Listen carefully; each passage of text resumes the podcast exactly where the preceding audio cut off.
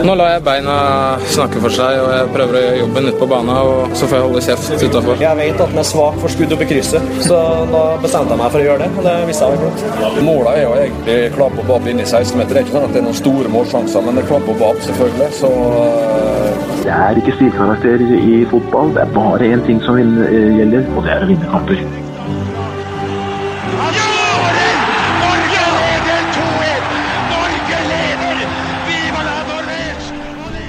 Der var jaggu meg toppfotball tilbake igjen, før planen. Vi skulle egentlig ha ferie, vi, fram til august. Men noen ganger så sitter man hjemme eller ligger på stranda, eller ligger på stranda og kommer hjem fra en ferie, og så klør det i kjeften.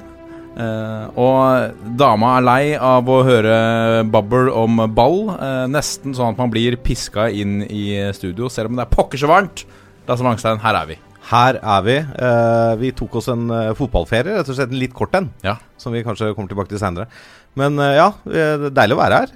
Veldig. Selv om klokka er passert 21.00 på kvelden og det er hønvarmt i studio, så er det gøy å kunne komme og prate litt norsk ball, for det er masse, masse, masse gøy som skjer. Det er det, og kanskje øye som ser når du snakker om gøy som skjer. For det er jo spesielt én hendelse som selvfølgelig har dratt oss inn i dette studio, og det er det som har skjedd i, i Trondheim. Ja, det, som nå er det vel en uke siden. Ja, det er vel begrensa hvor gøy det er at folk mister jobben, da. Ja. Det, det, kan vi jo si med en gang. Men det, det er i hvert fall veldig Altså, det er jo litt spesielt fra mitt ståsted, i hvert fall, å sparke trenere som har tatt fem av seks mulige titler i Norge de siste tre åra. Mm. Uh, og ligger to poeng bak serielederen og er videre i europakvaliken. For meg så virker det rart. Og så det er jo helt klart at vi sikkert har noe å melde der utover kvelden. Det tror jeg. Og hva er vel bedre da enn å få med seg en fyr som liker å melde litt? Og det er deilig. Uh, Mjøndalen-kaptein, Eurosport-ekspert, entertainer. Uh, det var, vår, var våre ord, for så vidt. Ja. Men entertainer må vi kunne si. Siviløkonom. Kristian uh, Gauseth, velkommen. Tusen takk for det, gutta. Det er veldig kjekt å være med. og jeg syns jo ikke at dere dere har ikke fått veldig farge på den strandferien dere eh, proklamerer her? ja, altså jeg har vært i Brønnøysund, ja, okay. så det begrenser seg jo litt av seg selv. Ja, det er sant. Jeg merker at vi ser veldig lite sommerlig ut. Nå sitter vi i hvitt, og Kristian Gauseth i sommerbrun har kun ni, hatt ni dager ferie og sitter i en slags Hawaii eh, Er det en Hawaii-skjorte du bekler der? Ja, jeg tror vi kaller det det. Det sto en uh, resort-shirt da jeg kjøpte den der. det sklir rett inn Paul inclusive uh, nedover i middelhavsområdet, med andre ord. Ja, absolutt. Men Kristian, du har uh, hatt ferie? Uh, ja, du kaller det det, Martin. Ja. Uh, jeg har hatt ni dager ferie, som du får som profesjonell fotballspiller. Ja. det er vel en mer sånn egen treningsperiode, kanskje. Ja. far min fylte 60 år i år, så han har alltid lyst til å dra til Jerusalem, Israel. Så et lite tips da til lyttere som er litt grisk. inviter med far din på ferie. Da betaler han alt. Eh, og du og, i mitt tilfelle, broren min, eh, kan, eh, kan, få en fin ferie eh, gratis. Nydelig. Altså life hack her, altså, allerede. Ja. Men du eh, har da testa ut hvordan det er å jogge langs hele Jerusalem, eller hvor, ja, hvor strikt har du kjørt eh, egentreningsskjema? Altså Nå er uh, trist å si det, selvfølgelig, men både faren min og broren min er historieinteressert. Uh, over snittet. Uh, de har bachelor og ja, i det hele tatt innenfor historie. Jeg sitter her med et usselt årsstudium fra UiO som alle eh, som er usikre på hva de skal med livet sitt, eh, har. Begynte jo på det rett etter videregående. Var en feil vurdering av dimensjoner, selvfølgelig. Men uansett, eh, det Jerusalem og Israel bar det. Vi var i Tel Aviv. Vi var en tur i Jordan og eh, så på Petra, den fantastiske eh, antikke eh, dødsbyen der, og hadde en veldig fin tur. Men jeg skulle gjerne hatt litt mer avslapping. det skulle jeg. Fra et fotballstandpunkt så var det jo trening. Veldig mye trening. Trente nesten hver dag, som du må gjøre. For det var jo selvfølgelig trussel om løpstest når man kommer tilbake. Og den trusselen, i Vegard Hansens ånd, den ble jo selvfølgelig gjennomført. Det var løpstesten vi kom tilbake. Ja. Hvordan er løpstesten? Løpstesten gjennomføres eh, med at du har eh, en 40 meters sprint. Du springer eh, fra et startpunkt, 20 meter, vender, og så går du tilbake til startpunktet. Eh, dette her gjøres uh, der du spiller en uh, CD, og alle som spiller fotball, de vil jo selvfølgelig dra kjensel på den der This is the Nike Interval Recovery Test by Dr. Jens Banksbow. Og det er sånn CD-en begynner, da. Eh, Er det den beep-testen det det er den beep-testen, Ja. det stemmer. Altså. Uh, og den springer man da Da får man dårligere og dårligere tid på det 40 meters sprintene med, med vending her, da. 20 meter opp og vende tilbake. Og da, hvordan defineres det? Da, mm, på tid, selvfølgelig, da. Eh, Nei, hvor mange levels du klarer. Ja, det går fortere og fortere, eh, og du har kortere og kortere tid på å gjennomføre den samme sprinten.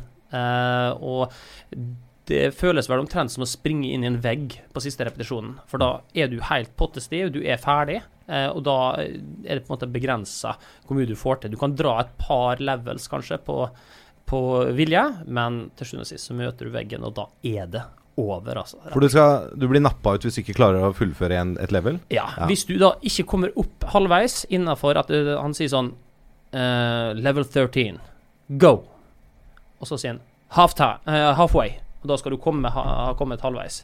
Og så er det dut, dut, dut. Da skal du være i mål. Så det er den beep-testen. Derfor kalles beep-testen. Er fordi du får tre beep før du ryker. Må, ja. Vær på startpunkt igjen. Så eh, det er, det er vondt, men uh, dette er en del av det å være et profesjonell fotballspiller. Da må han gjennom her for å bevise at han er trent i ferien. Hvem er det som uh, ble best, da? Best. Uh, jeg tror Vette Dragsnes uh, med venstreback og Alexander Betten Hansen De var begge to veldig høyt oppe. Eh, jeg lurer på om Mats Gundersen òg gjorde det ganske bra. Eh, men det var ingen som på en måte før, så jeg skal ikke prate dritt om folk som har vært der før. Jeg kan gjøre et lite unntak. Eh, Rat Bernstein var aldri særlig glad i den testen her. Dette var ikke hans prefererte eh, aktivitet, så eh, når han kom hjem fra ferie, så var det jo både jeg og andre som gleda oss til å se hvordan Rett gjorde det. Eh, det var jo ikke spesielt bra. Det pleide ikke å være det. Men var han slurva han litt med egentreningen, eller var det generelt tatt? Eh, jeg tror han hadde en kropp som krevde veldig mye trening, Mm. eh, rett og slett, for å kunne fullføre dette her. Rett var jo en bra spiller på, for Mjøndalen på mange måter. Eh, men så var han jo forferdelig skadeutsatt, og det var jo mye trøbbel der. Eh, så han fikk vel på en måte kverna det han kunne ut av eh, hva er det å si, i Mjøndalen. Og avgjorde kamper i Eliteserien der, og senka Rosenborg og Ja, et eventyr, rett og slett. en karakter? Eh, hvor godt trent er du nå, da? Er du i, er du i rute for en, en spennende høstsesong med Mjøndalen? Absolutt. Eh, i trikset er jo da Vi får håpe at en Vegard ikke hører på her, da. Eh, trikset er å gjøre det bra i januar, men gjøre det ett steg bedre på sommeren. For da tenker man oi, dette her er progresjon, ikke sant? Det er den du er ute etter. Så jeg sprang 27 uh, i vinter, og så sprang jeg 28 nå. Uh, jeg sprang egentlig 29, men jeg sa at jeg sprang 28. eh, For å ha en å gå på. For å ha en å gå på. Ja, det er det nettopp er det. det, er nettopp det, sant? Åh, Så eh, Her for- er det bare å lære, altså. Ja. ja. Nydelig. Men eh, hvis man ikke Altså Har du vært med på at eh, blir At noen spillere blir veldig avslørt? At det er helt opplagt at de ikke har gjort jobben i, i ferien? ja, det har jeg vært med på. Eh, og det er ikke noe hyggelig skue. Eh, vi eh, har jo hatt tilfeller i Mjøndalen eh, av andre spillere òg. Har nevnt Ratt at han ikke var særlig glad i dette, men spillere som har kommet tilbake fra ferie, der de har fått streng beskjed om at de eh, spesifikt må gjøre jobben i ferien, og så har de ikke gjort det. Eh, det avsløres veldig kjapt, og da blir det eh, meget, meget kjedelig hverdag for de spillerne. Som innebærer tredemølle og Ja. eh, Jeg har jo hørt tilfeller eh, av min gode venn Magnus Eikrem eh, i Molde, der en Vegard Forhen en gang for lenge siden ikke kom tilbake i særlig god form etter ferie. Eh, og da hvorpå Ole Gunnar Solskjær sa det at eh, Vegard, du, eh, du kan ikke spille fotball nå. Eh, så når vi andre trener, så må du springe på sida Det blir tomt. eh, mens vi har trening. Uh, Så da jobba Vegard med det var kanskje Arild Bakke den gangen, som var fysio, og drev og sprang ved siden av mens de andre spilte. Så da får du jo det fysiske utfordringa med at du må springe hele tida, og så i tillegg så får du den mentale utfordringa med at du ser at de andre har det artig, og så springer du på sida. Eh, så ja. Hvordan står det til i, i Mjøndalen nå? Dere er eh, for alvor med i, eh, i eh, toppkampen, som, som kanskje er litt tettere enn vi hadde sett for oss i, i, før sesongen. Ja, kanskje som noen hadde sett for seg, ja. Eh, jeg forventa at Ålesund skulle være sterkest. Det var jeg ganske klar på. Eh, Lars Bohin eh, han vet hva som fungerer i Obos-ligaen. Han kan den ligaen, han kan spillerne, han kan systemet sitt, vet hvordan det fungerer mot ulike formasjoner. Han har erfaringer, han har gjort det med Sandefjord. Han er rett og slett Han er dyktig i det han gjør. Så det at Ålesund fikk han, er et skup, rett og slett. Han er best skikka til å vinne Obos-ligaen. Det er jeg helt sikker på at de kommer til å gjøre. Eh, og så hadde jeg Sogndal som eh, en òg og utfordrerkandidat. Eh, veldig, veldig, veldig solid fundament. Og så er vi og Viking bak der, sånn jeg ser det. Eh, men vi har jo en drøm, da, om å, om å kunne være med der oppe. Men vi eh, sa, eller noen i det studioet her sa jo da Lars ble klar for eh, Ålesund, at det, det var kanskje veldig god timing av Bohinen, selv om han går et, ned ett nivå til Ålesund. Fordi jeg, vi så for oss kanskje at Sandefjord ville få det tøft, og at Ålesund skulle rette opp igjen. Er du enig i den vurderinga? At uh, han på en måte, selv om han går ned fra Eliteserien og tar over Ålesund, så er det kanskje i, i det store, lange løpet en uh, fornuftig vurdering? Ja, altså når vi ser på hvordan Sandefjord har fremstått i år, da, så har det vært ja, begredelig, selvfølgelig. Uh, og, men jeg, jeg tror ikke at den samme spillergruppa hadde sett sånn ut under Lars Bohin. Nei, det tror ikke jeg Jeg tror ikke, jeg tror Nei. de hadde berga plassen sånn greit, eh, og det sier vel litt om hvor dyktig han er, og hvor Ja, ja. flink han er til å drive 3-5-2 eller 3-4-3. Altså, han, han klarer det der på en mye bedre måte enn veldig mange andre, så helt enig i det. Klok uh, move av han, rett og slett, å komme seg til Ålesund. Jeg tenkte liksom at han kanskje hadde Han så at sitronen begynte å bli tom, da. At han pressa den hardt nok. Ja, og så er det nå en gang Sandefjord de, Altså, hvor mye større er potensialet i Sandefjord, sånn egentlig? Ja. Nei, altså jeg, jeg mener jo at eh, Ålesund har et mm, høyere potensial til å være en toppklubb i Eliteserien enn Sandefjord. Mm. Selv om de er på forskjellig nivå akkurat nå. Mm. Det samme gjelder jo Viking, og for så vidt også Sogndal. Nei, altså, vi, vi snakka en del om det, og han eh, ved å Han er vel fortsatt en helt i Sandefjord, vil jeg tro. Lars Bohinen. Etter, eh, etter liksom prestasjonene der, og i eh, perioder så var de jo oppe vel på øvre halvdel av tabellen også. Ja, han var vel også den eneste treneren som har klart å holde de oppe i mer enn én sesong. Ja. Fra eh, Sandefjord slo seg sammen Altså ballklubben og Runar da slo seg sammen og ble Sandefjord eh, fotball, så er det ingen som har klart å holde de oppe to år på rad. Så pga. det så har han nok en eh, god stjerne nede i hvalfangerbyen.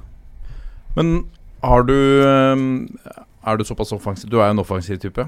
Uh, er du såpass offensiv at du tror at dere kan eh, klare å ta en av de direkteplassene? Det er klart vi kan gjøre det, uh, og det er jo det vi jobber for hver dag. Uh, det er det som er målet, det er det vi drømmer om når vi legger oss om kvelden. Det er det vi jobber for når vi kommer på trening om morgenen, når vi møter på kamp. Ah, Det er det, det som er målet. For vi har vært tredjeplass i, eh, i fjor. Eh, vi har vært rundt kvalik omtrent hvert eneste år. Eh, vi har vært oppe. Vi vet at vi har nivået inne. Så skal måtte Mjøndalen ta neste steg, som vi ønsker å gjøre. Eh, så blir det ny ny stadiondel neste år på Isaksen. Da blir det på en måte fullendt. Da blir det nye garderober, ny gym, eh, nye fasiliteter med leiligheter på toppen. Og det blir på en, måte, en, en fullverdig stadion. Eh, så på anleggssida så er vi i god shape, og vi ønsker å matche det sportslige med å komme opp der vi mener at vi, vi hører hjemme. Er ikke noen grunn til at Sarpsborg skal være noe bedre fotballklubb enn Mjøndalen. Ingen grunn. Det handler om at Sarpsborg har vært dyktige over tid. De har vært flinke eh, med både ansettelser og rekruttering. Eh, og derfor har klubben vokst litt hvert år. Og Det er grunnen til at Sarpsborg er der de er nå, og ja, vi ikke har klart å komme på samme nivå enda. Men Ser du litt av det samme i Hvis du sammenligner mer med, med Sarpsborg, da, ser du litt av det samme som skjer i, i Mjøndalen? Nei, nei, nei, vi har Vegard Hansen som trener. Vi er der, ja!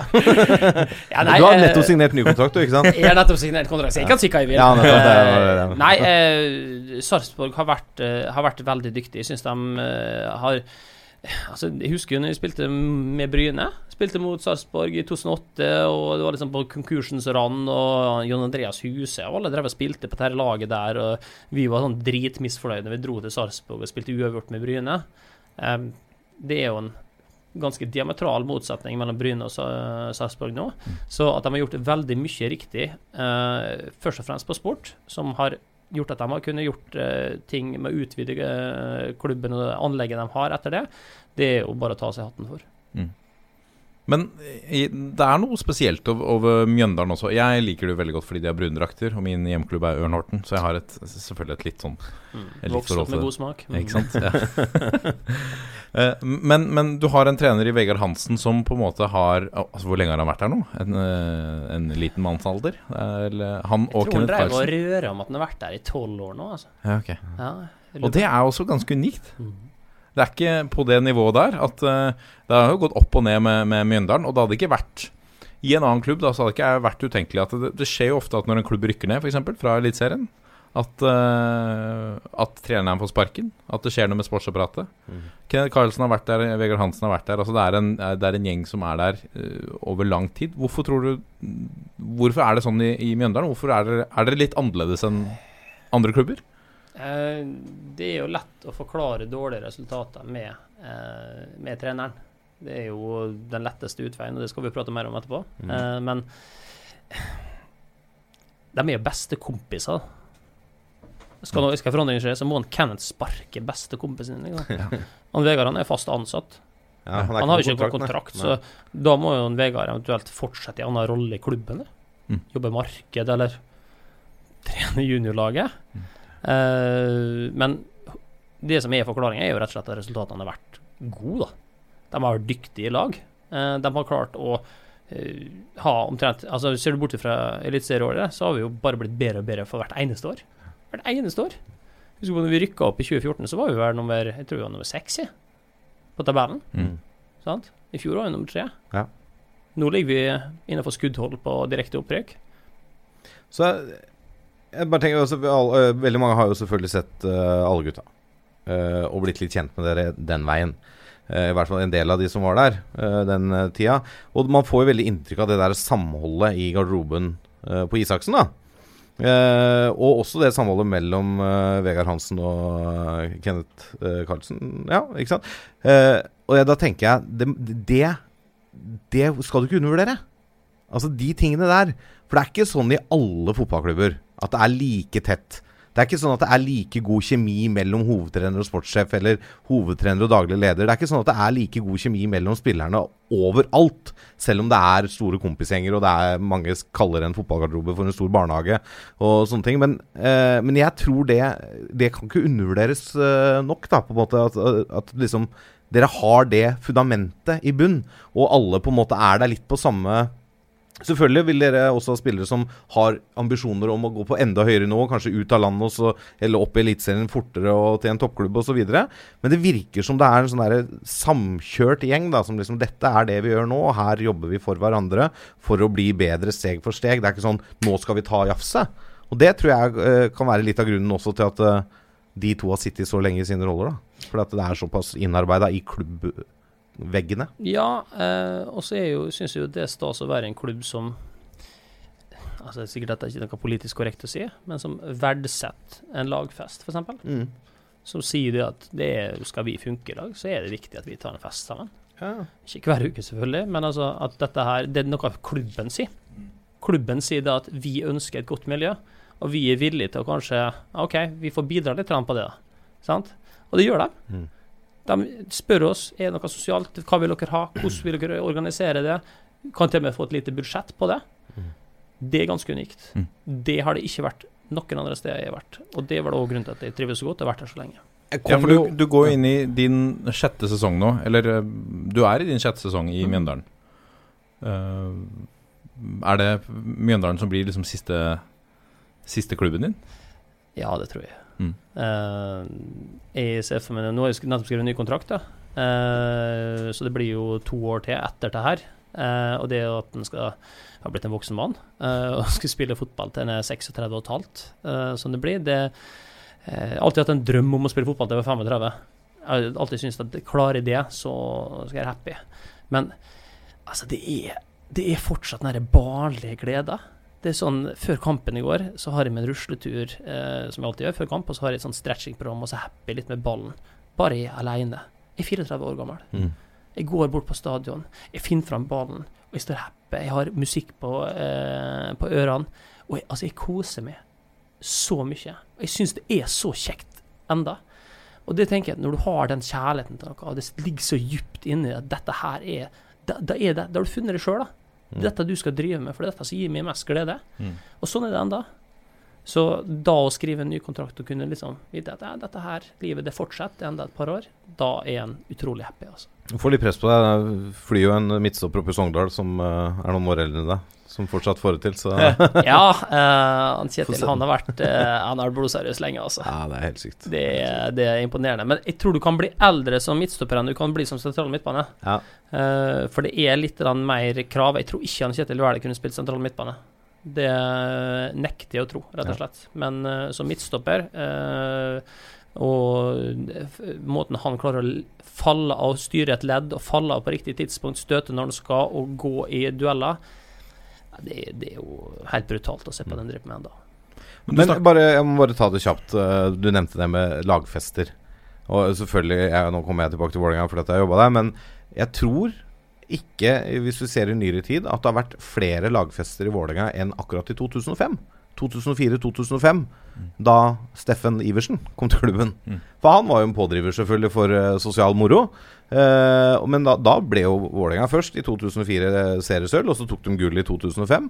Uh, og da var det altså den der, det samholdet i den garderoben. Selvfølgelig, Det hjelper jo å få inn typer som Steffen, da, som eh, har lave skuldre, medfødt ganske lave skuldre, eh, og er eh, lugn. Og, og, og inkluderer alle. Men eh, det var eh, ja, det var jo Men det, det er liksom Det er ingen som reagerer på at eh, fotballspillere går på byen når det går bra, ikke sant? Men med en gang det begynner å gå dårlig, så er det sånn Nei, nå var disse spillere på byen igjen. Mm. Så men de, de må få det blåst ut, de òg, mener jeg, da. Ja, og Mjøndalen har valgt helt andre veien eh, før min tid i klubben, men da var det jo eh, skjebnekamp da, på rykke ned til andre divisjon. Lurer på om det var 2009, et eller annet sånt. Det har gått helt forferdelig dårlig. Han prøvde alt. Alt forskjellig. Og da eh, ga de rett og slett hele spillergruppa fri ei uke. Skulle på spille mot Bodø-Glimt. Eh, måtte vinne. Nå er det så ræva her, så det, det funker ikke å trene. Det er bare å glemme. Nå tar vi oss en fest, og så tar dere en uke fri, og så møter dere opp på Gardermoen. Fantastisk. Sant? Om det funker? Selvfølgelig funker det. Men nå skal ikke vi bli useriøse og sitte her og si at ja, hvis du drikker lag, så Nei, nei, nei. For det er ikke sånn. Men det mentale inne i en garderobe og den atmosfæren som er der, den er sånn du må nesten ha vært med på en medgangsperiode der du vinner, og det går bra, og du i tillegg får den sosiale delen som er helt krutt. Altså, det er en sånn eufori. Mm. Og det er sånn Du føler det uovervinnelig. Mm. Du føler det untouchable. Du, du klarer ikke å se hvordan greiene her skal snu, hvordan skal dette gå galt? Nei. Vi møter på søndag, og så henter vi poenger, og så er det faen meg trøkk igjen. Altså det, den derre syklusen der, den, den er helt fantastisk å være inni. Og hvis du kommer inn i den, det, er, det verste er at det er vanskelig å komme ut av den. Men desto vanskeligere også på samme måte det stikk motsatte, å komme ut av en, en eh, nedtur. Altså, Nå skal vi ikke snakke så mye om Vålinga igjen, men, men du har jo et eksempel der med, med lynspøkelset til Vålinga, som jeg vil tippe at uh, alle snakker om det. Alle snakker om at Vålinga aldri slo lyn. Så det, det lå en sånn eim over, eh, følte jeg, over garderoben før alle de kampene. Den, den psykiske påvirkningen noe sånt har. Ja, du, du bare visste det før kamp. At Ja. eh, her så kommer Lyn til å score et seint mål, sannsynligvis på en feilaktig dommeravgjørelse, et eller annet, og raske med seg en uavgjort, selv om Vålerenga burde vunnet. Det, det, og det setter seg hos alle. Uh, selv det året hvor Lyn rykka ned så til de grader, så ble det jo 4-4 i den første kampen. Det var først når liksom Lyn egentlig var ferdig og sang at uh, det er gøyere å spille femtedivisjon, og de hadde kvitta seg med alt av spillere omtrent, at eh, Vålerenga klarte å vinne 4-1 i den siste kampen. Ja. Liksom. Og det var ganske mange år de var oppe sammen. Så det er klart, det, det la seg en sånn der, uh, greie over det. Men i, i Mjøndalen, da, så har dere jo mm, Jeg føler at ja, du hadde en periode med, med alle gutta-serien. Uh, hvor, hvor vi ble veldig kjent med, med laget og alle spillerne. Og så har du dem, de to fantastiske oppgjørene mot Brann, som, som jo gjorde at dere rykka opp. Eh, og, og det å ha gått gjennom Altså eh, Dere var jo eh, altså, sinnssykt underdogs mot Brann, eh, med tanke på størrelse på klubb og eh, store Bergen by osv. Uh, det, er vel, det er ikke så ofte vi ser uh, sånn sett at det, det er så opplagt at ett lag skal vinne i den kvalikkampen.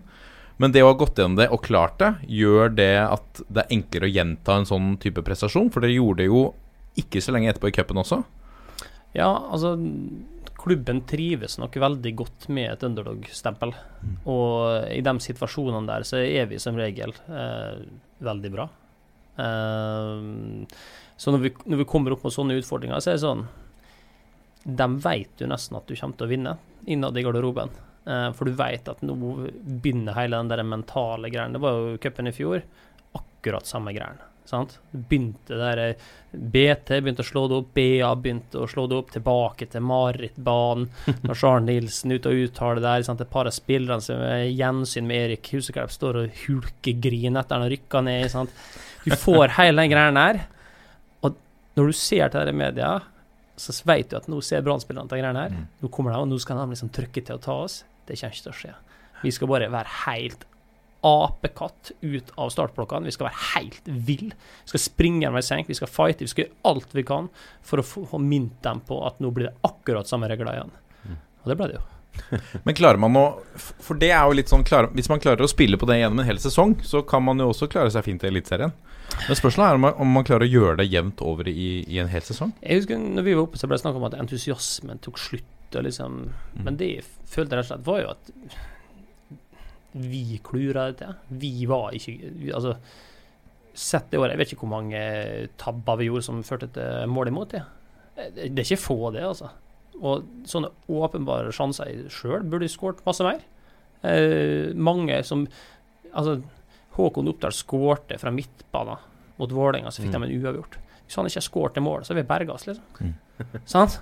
Så det så er det små detaljene der, eh, og dem var vi ikke gode nok og rå nok på å få i vår favør. Den feilen kommer vi ikke til å gjøre igjen hvis vi går opp. Det kan jeg garantere. Mm. Og jeg tror at et lag sånn som Ranheim tror de har lært en del av våre feil, rett og slett, i 2015. Den offensiviteten de har vist nå, jeg tror ikke det er sånn som kommer helt av seg sjøl.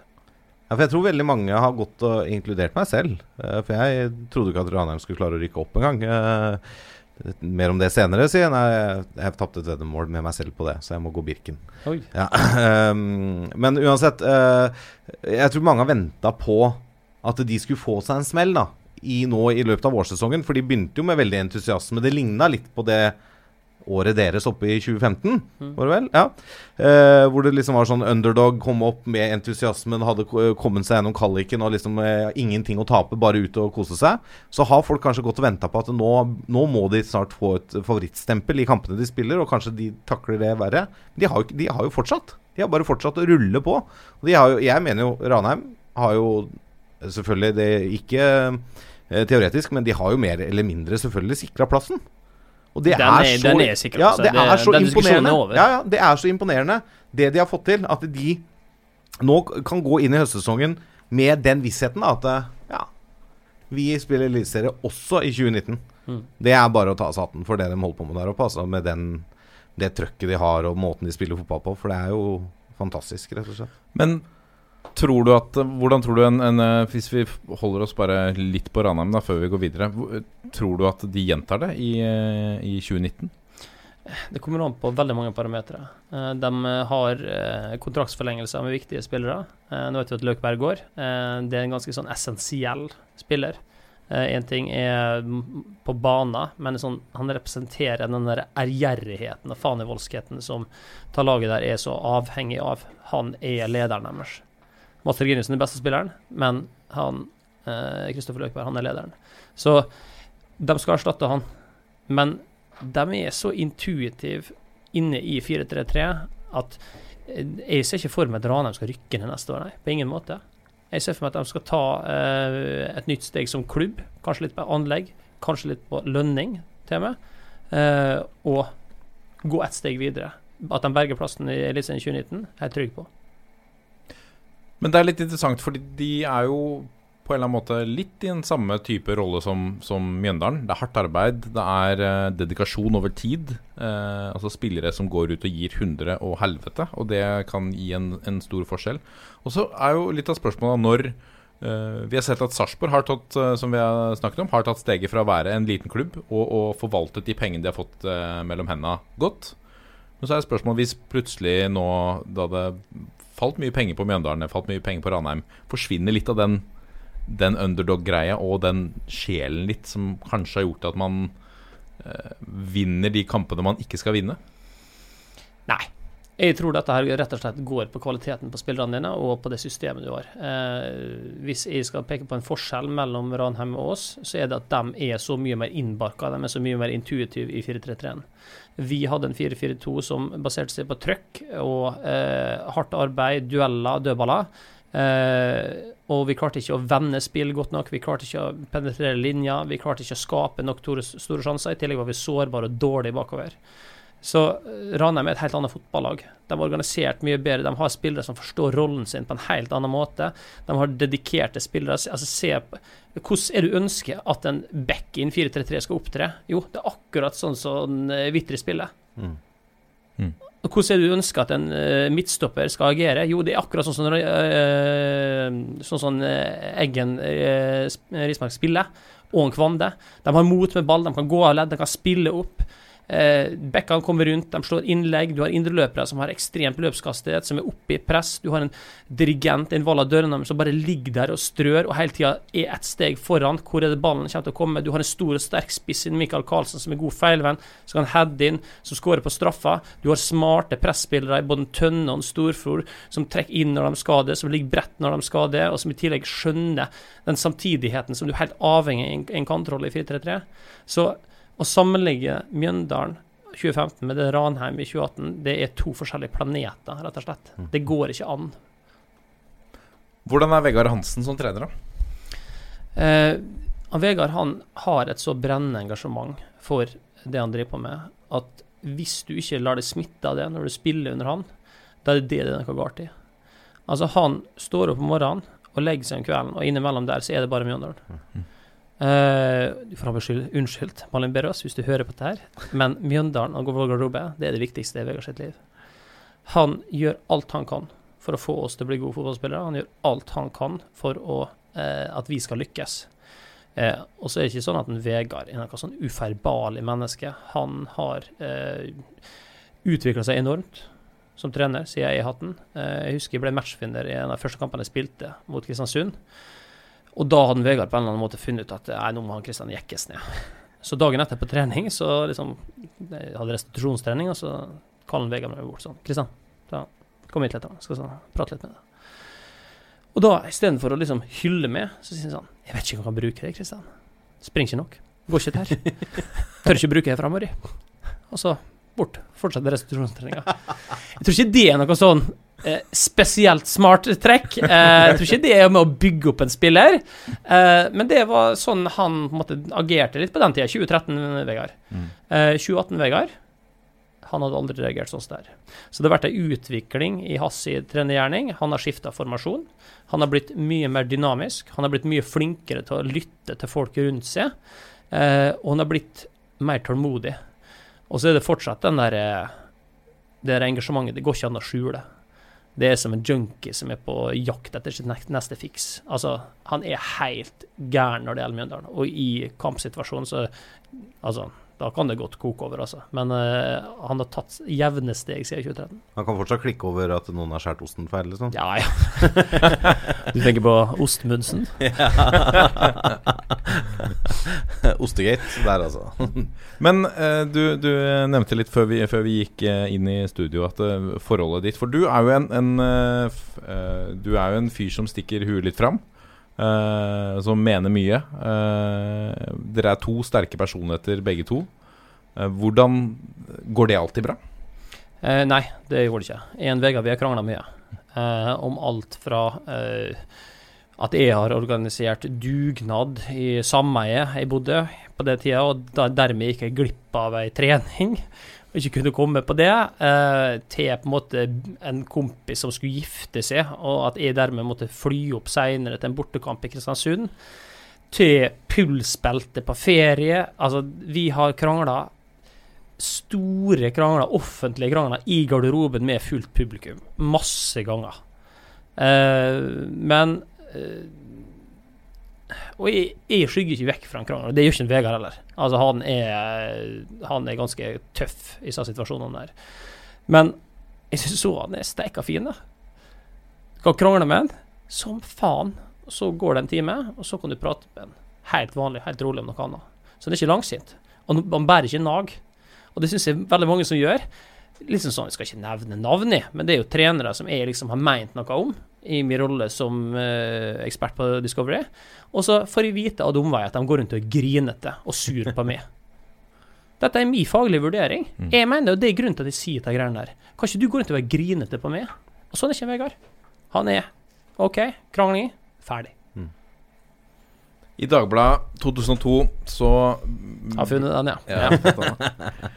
Så gir du en, en, et svar på et spørsmål. Sitatet er uansett eh, Jeg vil være i en klubb med klubbfølelse. Jeg vil ikke spille for et aksjeselskap, sier 18-åringen fra Molde. Det var da Overskriften er vel eh, 'lei av røkkemase' eller 'pengemase' eller noe lignende. Da, da spilte du eh, Var en av de største talentene i annendivisjon på den tida. Spilte for treff. Og store, pengesterke storebror Molde kom eh, med, med millionene. Men da sa du nei. Ja, millioner, vet du. De kom, ja, men om det var millioner, det tror jeg på en måte vi skal justere litt, da. Hvis du Eh, tar med inflasjon og sånn. ja. Indeksjustert der. Indeksjustert der, så skal ikke se bort fra det. Litt i eiendom, litt i fåden. Ja. ja da. Um, Molde på den tida der, det var et eh, trist skue. Det var et eh, trenerpar totalt uten tiltrekningskraft eh, i Gunder Bengtsson og eh, Kalle Bjørklund. Det var en klubb som distanserte seg voldsomt fra eh, lokalbefolkninga i Molde på eh, ei tid der på en måte det var ny stadion, og jeg var vel fire år gammel da. Eh, og i Molde altså Molde er en liten by. Og hvis du ikke får med deg folk der, så er det egentlig bare å gi opp. Da, da funker ikke de greiene her. Så eh, den gangen så var det ganske klart at det, hvis, eh, hvis jeg skulle spille der, så måtte det nok vært litt annerledes. Og så var det ikke sånn at jeg skulle rett inn på noe lag i 2002 og sånt der. Eh, så eh, de var sure i mange år etter de greiene der. Det var jo, Jeg måtte jo vente fem år da for å Ja. Molde. Ja, for du gikk til Molde i 2007, Mm. men det ble med én sesong. Det gjorde det. Um, Hvem var som var trener da? Kjell Jon Øvre var trener da. Ja. Um, hvis en skal reflektere litt over tingene gjort i karrieren sin, så var jo det å dra fra Molde var en, det var en stor feil. Um, fikk dobbelt uh, lønn i Bryna. Mm. Uh, var vel tilbud Jeg tror siste tilbud fra Molde var 400 000 i et eller annet sånt. uh, I Molde. Uh, og fireårskontrakt. Um, det gikk jo veldig bra det året der. Og når du ser på guttene du hadde rundt det, da det var, Altså, det var et lag, da. Du hadde Knut Olav Rinderøy, eh, pre-Deportivo, du hadde Vegard Forren som kom inn på Kom inn på sommeren der, du hadde Petter Kristian Singsås, eh, Markus Andreasson, du hadde en Dalenberg Hestad, Magne Hoseth der. Eh, Pappa Tedjof og Mambiram på topp, Ja. i tillegg til en Mostrøm som kom. Altså, det var, det var et lag, altså. Ja, Eh, men uansett, hva var spørsmålet? Nå Jeg begynte å mimre. Eh, ja, jeg måtte vente fem år, ja. ja. Og da var det annerledes. Kjell Joner var trener. Kjempefyr, rett og slett. Ekstrem på dette med miljø, ekstrem på måten han prata til garderoben. Altså, det var Altså det var sånn fliring når kom inn i garderoben der. Han kunne der. Ikke den sterkeste faglige treneren jeg har hatt, på noen måte, men dette med å få ei stemning i en garderobe og sette tonen, helt enestående, rett og slett. Og med sponsorer og sånt der.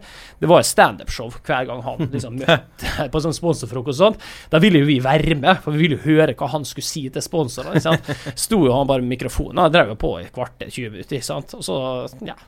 Så var den rollen var helt utrolig. Men angrer du på at du gikk til Bryne pga. de sportslige utfordringene, eller fordi at Molde liksom er klubben nærmest ditt hjerte fordi at du er derfra? Jeg angrer på at jeg dro til, Molde, nei, til Bryne fordi at jeg hadde hatt en helt annen karriere hvis jeg hadde blitt i Molde. Mm. Jeg hadde fått spille Eliteserie med en gang istedenfor å måtte vente. Ja, altså jeg venta jo Jeg spilte, debuterte i Eliteserien da jeg var 30 år og 286 dager. Ja. Ganske lenge å vente det, altså. Jeg var god nok i ti år før det, Ja. og så vet du at det er din egen feil. Ja. At du ikke fikk oppleve det før. Ja. Det er ganske seigt. Du har noen runder med sjøl der du på en måte skal Du skal gjennomføre noen treninger, noen bortekamper da, for å komme liksom opp dit. Og du drar spiller tre- turer? Ja, du drar tre år opp i Alta. Ja. Sant? ja, du var der Eh, borte, borte, bortekampene er tre døgn, det. Shit. Det er tre døgn. Ja. Du drar på lørdag, så er jeg hjemme på mandag. Sant? Og da må du evaluere om du liksom Hvor glad er jeg i disse greiene her. Og det viser jeg at jeg er jævla glad i det. Ja. Mm. Men for å touche litt inn på det du snakker om, det, den gleden og det at du føler at du har funnet din plass, da. Eller eh, du driver med det du skal drive med. Så er du, er du redd for når det tar slutt? Ja, det tror jeg alle fotballspillere er. Um, jeg tror det er en frykt som ligger hos alle. Uh, og så er nå jeg et prakteksemplar på en som har forberedt seg på den dagen. da. Jeg har tatt uh, utdanning, jeg er siviløkonom. Jeg har godt fotfeste innenfor media. Jeg driver og sysler litt med eiendom på sida. Sånn, altså, så jeg, det er jo ikke sånn at det slutter den dagen jeg spiller fotball. Men den livsstilen som jeg har kjent hele mitt voksenliv, den er borte da. Uh, og hvis man sier at det, man ikke frykter det, så tror jeg man er litt ignorant, egentlig. For det er jo noe med det å gå inn i den garderoben og føre den bøssen og Den finner du ikke igjen verken hvis du sysler med eiendom eller uh, kanskje i kontorene på Eurosport, jeg vet ikke. Eh, der har du nok en del av det. men jeg har jobba i måte siviljobb òg, da, i Mjøndalen. Uh, jeg har jo ført regnskap for Møbelringen uh, i, i, 2013, blant annet. Og de uh, hadde jo en fantastisk sjef og gode medarbeidere, men merka at det var voldsomt stor forskjell. Jeg Husker at det var prata litt om under lunsjen en dag, så ble det prata om at det, det, var noe som het at ja, det, var så, det, var, det, var så, ille at så ungdommene tok til tatoveringer. altså, jeg skjønte ikke hva de drev med. Altså, det Hvordan er det mulig å ødelegge kroppen sin? Så jeg sitter og prater rundt lunsjbordet, og så sitter jeg og tenker skal, jeg ta, sitte her gjennomtatovert sjøl. Skal jeg orke å ta denne fighten her? Nei, jeg lar det bare være. Men liksom, det er veldig stor forskjell når du går fra det der, og så et par timer seinere så går du inn i en garderobe, og så tar du en sur sokk og gnurer inn i ansiktet på en fyr, og så flirer alle rundt det. Det er to forskjellige verdener. Og om en ikke på en måte skal anerkjenne det, så, så er jeg litt ignorant, tror jeg. Ja. Men den Altså, det, det medieløpet, da. Du kjører litt, for å kalle det på si, da. For du er jo fotballspiller først og fremst, vil jeg tro. Uh, du, jo, du, og Mats Hansen begynte jo for noen år tilbake med litt sånn ja, uh, gimmick-TV på TV2, kan vi kalle det. Litt sånn uh, Dere utfordra hverandre til forskjellige ting. To mot én. Ja, det var ja. ganske hu bra humor, ja, mente du sjøl, da. Jo, jo, men det var jo det. Men det var, det var jo på en måte i en i en sfære der da, sant, som var humor, og dere, dere bøy på dere sjøl, og dere, eh, dere utfordra hverandre. Var, var, det bevisst da det begynte? At her skal vi liksom Var det tanken, eller var det litt sånn tilfeldigheter? Uh, det var nok litt tilfeldig, men jeg tror nok òg at det var sånn at vi følte at vi har noe i dette universet her å gjøre. Ja. Uh, at vi begge to følte det at uh, For vi var jo altså, ekstremt lite ydmykt å si, da, men vi gikk jo til Vegard Hansenhagen i TV 2. For vi har drevet og laga et sånt kultprogram, synes vi sjøl, som kalles Dommerekstra. Der vi bare ekstremt smalt talkshow, mm. som dommere. Sant? Og laga, så fikk vi jo liksom Davy Vatne kom og var gjest, Jon Arne Riise kom og var gjest, og liksom Jon Hartvig Børrestad, Bernt Hulsker, alle stilte jo opp. Mm. Og syns vi dette her er egentlig ganske bra, da. Mm. Og så gikk vi til Vegard Jansen og sa vi syns sjøl at vi er veldig flinke. kan ikke vi få lage noe for dere? Ja. Og da, Sånn var det jo begynte, to mot én. Og da fikk vi sjansen, og uh, følte jo sjøl at vi greip den. Uh, og det har jo vært startskuddet for at både uh, Altså, jeg, jeg, og Mats har en posisjon da, i, mm. i, i Medie-Norge i dag. Det er jo takket være at vi har vært pågående, at vi har vært dyktige i lag, da, syns jeg. Ja. Ligger uh, uh, sommerkroppen uh, høyt oppe på din, dine mest avspilte låter på telefon? det gjør det ikke.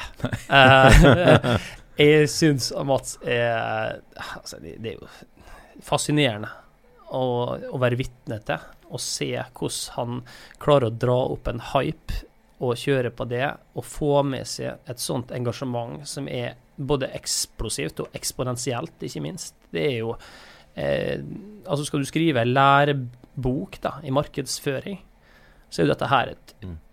prima case. Altså fra ingenting og opp til de greiene der. Mm.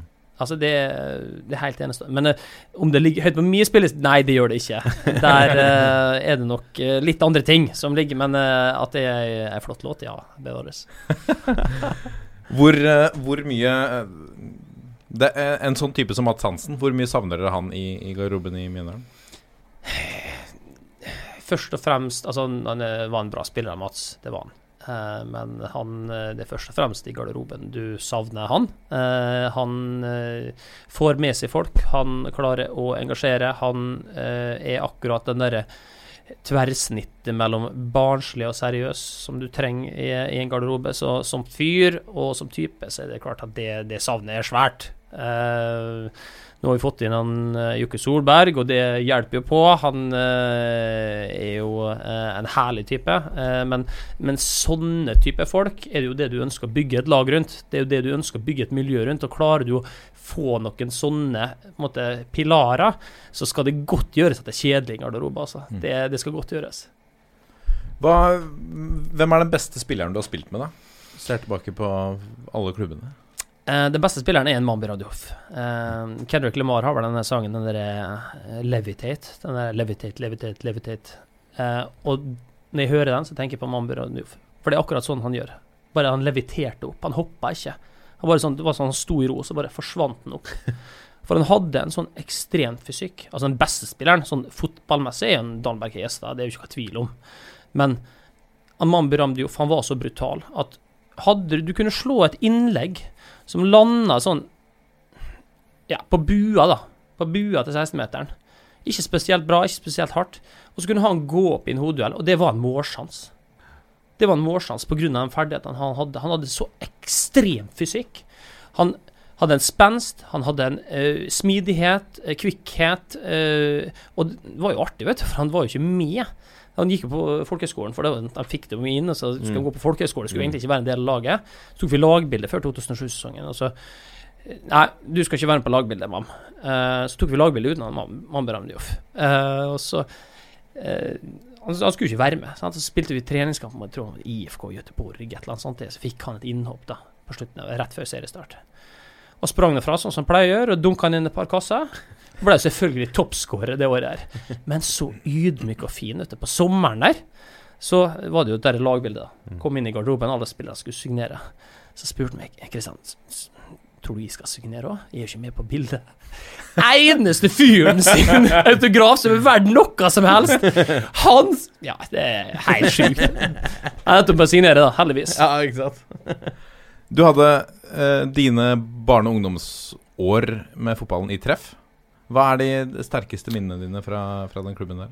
Ah, sterkeste minne? Vi var jo privilegerte. Vi var jo en eh, Det var jo på en måte en slags sånn samling, en konferanse av fiketryner. Eh, dere treffer junior elitelaget. Eh, så det er vel fristende å dra fram noe derfra. Eh, for eksempel eh, Ja, vi spilte jo en bortekamp mot Åndalsnes på Øran stadion, er det vel. Eh, og da spilte vi mot Donalds Store favoritter, selvfølgelig, når vi kommer der. Vi hadde jo egne skjorter, hadde vi fått trykt opp med Treff Junior Elite bakpå. Det var jo var vel egentlig ikke et elite lag, men uh, vi syns jo det sjøl, så da trykte vi T-skjorta. Uh, uansett, kom der, varma opp, spilte uh, første omgangen. Gikk ikke så bra. Det var blant annet en som heter Jon Steigedal. Som spilte på laget mitt da. Var ikke den mest sånn tekniske typen. Uh, det største trikset han hadde, var at han klarte å knytte knyttneven og så klarte han å stappe hele den inn i kjeften. eh, hvis dere har tid i dag, så kan dere prøve. Det er ikke lett. Eh, det er nesten umulig, men han, Jon han klarte det. Men han var bra fotballspiller òg. Eh, bortsett fra den dagen der. Jeg synes det stemte liksom ikke helt. Jeg synes det var så rart. Altså, gikk inn til pause, spurte liksom, går det, går det bra. Ja, jeg har vondt i foten. Det funker ikke helt. Og så går vi inn i garderoben. Eh, eh og så driver Jon på, han sitter ved siden av meg, og så snur han opp skoa, og så tar han av seg skoa. Og inni der så ligger det altså ei medisinsaks. Han har spilt hele første gangen med ei saks i skoa! så det er et av mine store høydepunkt, uten tvil, med Jon. Å, herregud. Begrepet 'stein i skoa' får helt ny betydning, altså. Ja, absolutt. Oh, det er deilig. Sånn totalt sett, altså din, eh, din beste opplevelse på, på banen i, i karrieren? Uh, jeg må si det å debutere for Molde fotballklubb. Uh, det var helt enormt. For at når du bor i Molde, oppvokst i Molde, så er altså Det er Kjell Inge Røkke, det er uh, Bjørn Nunes det er Kjell Magne Bondevik, og det er Molde fotballklubb. Det er liksom det er det du måles opp etter. Eh, er du innenfor business, er de to første. Er du innenfor politikk, så er det den tredje. Er du innenfor sport, så er det fjerde. Så den på en måte følelsen av at når du sitter på tribunen og drømmer om å være utpå der, og så plutselig er du står du i spillertunnelen, du har på ei drakt, der står navnet ditt bakpå, det er venner, familie, far din er og ser på. Det er sånn at du liksom du, du, det er sånn at Jeg kan tenke på det nå og få litt gåsehud. Mm. For det er liksom den følelsen av at OK, nå har jeg fått det til, liksom. De greiene her, det er dritbra. Dette er så kult. Uh, så den følelsen der, den, den var svær. Uh, så den, og så Ja, det begynner Eliteserien nå. Mm. Etter så mange år, og jeg nevnte det i sted, nesten 31 år gammel, og har fighta så hardt for å få det til, og vært god nok i så mange år, ikke fått sjansen, og så på en måte all den ærgjerrigheten og det harde arbeidet, at den på en måte endelig materialiserer seg. Aldri nervøs før kamper. Aldri nervøs for noen ting. Lever ikke livet mitt med frykt. Men den dagen der, husker jeg, kjørte til Mjøndalen. Jeg var, jeg var, nei, jeg var livredd for at nå kommer vi til å krasje, et eller annet sånt. For at nå er jeg så nær å få oppleve de greiene der. Og så, kommer, så når oppvarminga er ferdig, helt avslappa. For da visste jeg at nå kan ingenting gå galt. Nå kommer jeg til å spille eliteserie. Og for meg Jeg vet jo at Eliteserien ikke er største ligaen i verden, sant? men for meg personlig, jeg har drømt så lenge om det, å få spille det, enormt. Ja, men det er det største vi har i Norge. Det er jo det. Altså Hvis ikke du er landslagsspiller, selvfølgelig. Men Hvem altså, er det? Nei, hvem gidder det, ja. Nei, men altså øh, Klubbnivå så er jo selvfølgelig Eliteserien det største. Men visste du da du kjørte til Mjøndalen den dagen at du skulle spille den kampen? Eh, hadde, dere hadde fått laget i forkant? Ja, vi får Eller, vi får jo ikke laget før i garderoben endelig, men vi har som regel eh, trening, og så ser du sånn greit hva laget er. Så kan det komme endringer. Det, det har jo Mm. skjedd, det. Men man driller jo inn sånn ålreit, så da skjønner du om du er Henger på laget eller ikke? Ja, ja. Det er fantastisk å ha deg i, i studio, Christian. Uh, vi, har bedt, vi har gitt deg én hjemlekse før, eh, før du kom, og det var å sette opp din fire norske fotballstjerners middag. Mhm. Uh, og skal vi selvfølgelig ta noen lyttspørsmål òg, men før det så vil vi høre hvem du har uh, hadde invitert, eh, og, og hva du skulle laget. Du skal Ja. også invitere tre, da, for du er den fjerde, selvfølgelig. Ja. Eh, jeg synes det var en veldig kreativ og artig oppgave. Eh, så jeg koste meg litt med denne her. Så jeg tenkte sånn Det må være ei gruppe som fungerer i lag, og så må det være litt sånn forskjellige roller, tror jeg. Eh, så jeg har lyst til å invitere Jeg vet ikke hva det er, men jeg føler at en Tom Nordli han, han er ikke noe sånn kjempeglad i meg.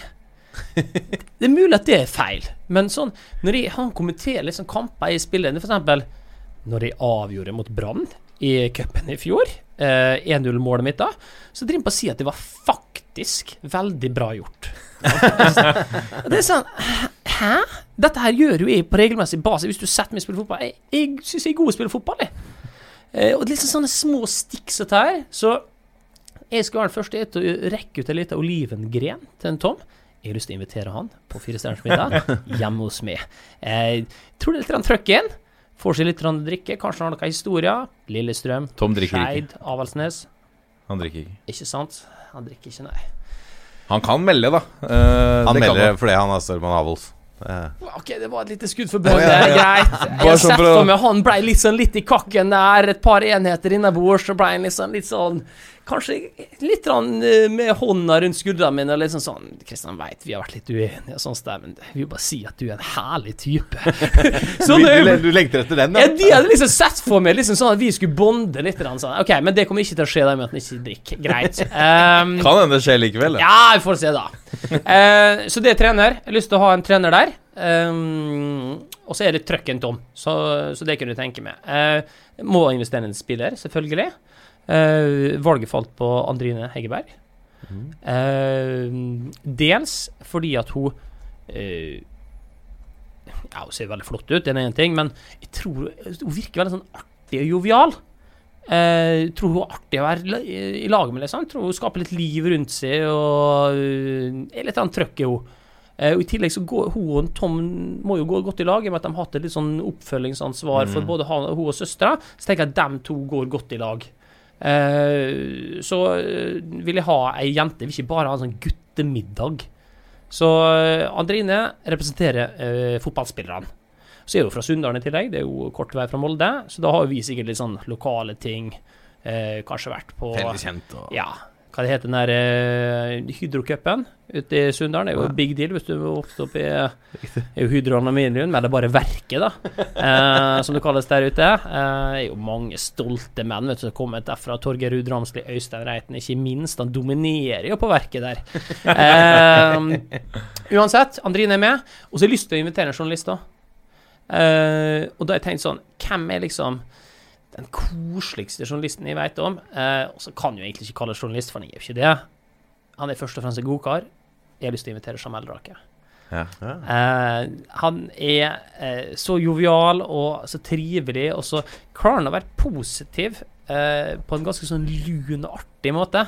Eh, og I tillegg så tror jeg han godt, går godt sammen med både Tom og hun Andrine. Så jeg tenker at vi som et firkløver, vi kommer til å ha det kjekt i lag, rett og slett. Jeg følger jo Jamel Rake i diverse sosiale mediekanaler. Det er ikke bare kosanmelder. Han, uh, han har en skarp tunge, kan jeg si det? Ja uh, Ja, jo da, jeg kan se det, men jeg syns ikke at det går utover noe. Altså ja, det er med glimt i øyet. det er med glimt i øyet, Og så går det ofte utover seg sjøl. Jeg, jeg, liker jo folk som på en måte klarer å kødde litt med seg sjøl. Ja, ja, det syns jeg er en, en, styrke, og den evnen har han. Og da kan du godt være litt kvass sånn innimellom. Ja, uh, det, det, er lov. Ja, det må være greit. Men Jamil Rake står jo i mål for Bygdemonolitten 2, uh, eh, hvor han spiller sammen med bl.a. Morten Ramm og Bernt Hulsker. Og Uh, og godeste Terje Håkonsen, Terje Håkonsen blant annet. Ja. Vidar Riise tror jeg også er innom ja. det laget. Uh, og hvis du syns Jamel Rake en, uh, ser ut som en, en trivelig kar på, på, VGTV, så kan jeg bekrefte at det er han ikke uh, som keeper på Bygdemonolitten 2.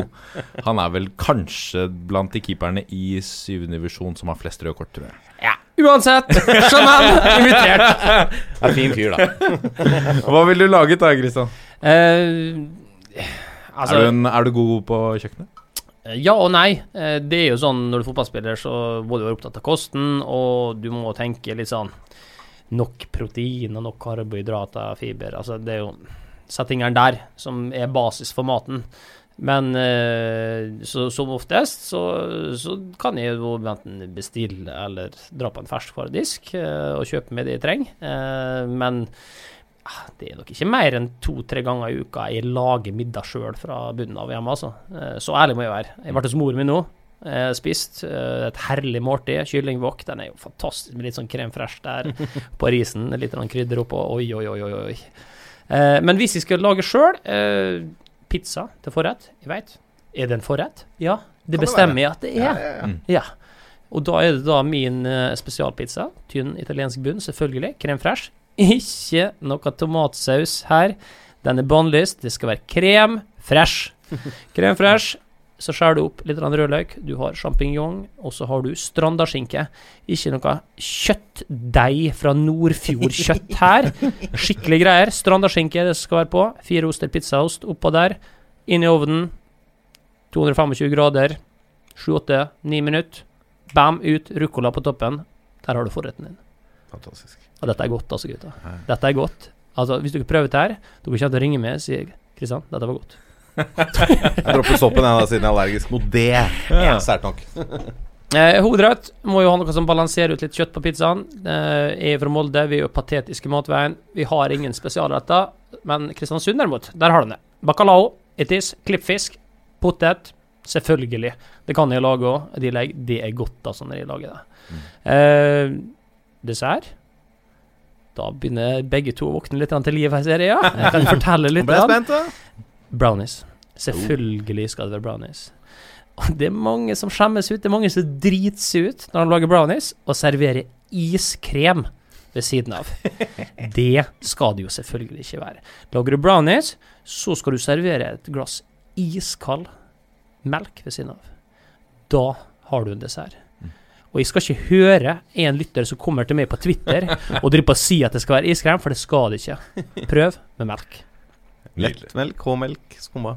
Eh, personlig lettmelk. Ja. Eh, har òg tydd til he helmelk, eh, bare for å prøve, men det blir litt for tjukt for meg. Ja. Eh, og da tar jeg som regel en bit brownies og så lite glass uh, liten sup med melk. Og så får du litt den der karamelliseringa inni munnen som du er ute etter. Og da, da er vi der. Dette er toppfotball. Og da skal vi eh, dykke ned i noen lyttespørsmål som vi har fått eh, da vi annonserte i eh, sosiale medier at vi skulle ha deg som gjest, Kristian. Så heiv folk seg på. Eh, vi kan begynne med Ruben Wold på Twitter, som lurer på hvem ruller best av Neymar i Brasil-drakt eller Gauseth i bryndrakt?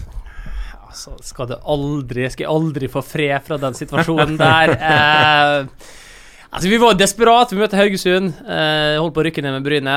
Skulle egentlig rykke opp, det var det som var planen, og grunnen til at jeg kom dit. Um, møter vi Haugesund på Bryne stadion. Vi har vært forferdelige. Vi har ikke vært i nærheten. Haugesund leder 1-0. Det går slutten på kampen. Jeg får ballen innenfor 16-meteren, så tenker jeg OK, nå, nå skal jeg forbi han der gjøken her. Eh, sånn ble det ikke. Eh, jeg får et lite tramp på foten. Eh, det står jeg fast ved den dag i dag, bare så det er helt klart. Eh, men jeg overdriver jo òg. Eh, og det er jo grunnen til at det ser såpass klovnete ut som jeg uttalte den gangen. Det ser jo ikke bra ut overhodet. Eh, og jeg er borte og kjefter litt på assistentdommer Stakkar der og eh, får jo et, eh, får et gult kort for dette her. Ble jo tatt, men på ingen måte som skulle rettferdiggjøre en sånn situasjon. Så det er vel på samme nivå. Eh, skal jeg si svare det, da? Eh, får han Hvem var Ruben her? Ja, Ja. Ruben Wold. Ruben, ja. ja. Samme nivå, sier vi, Ruben.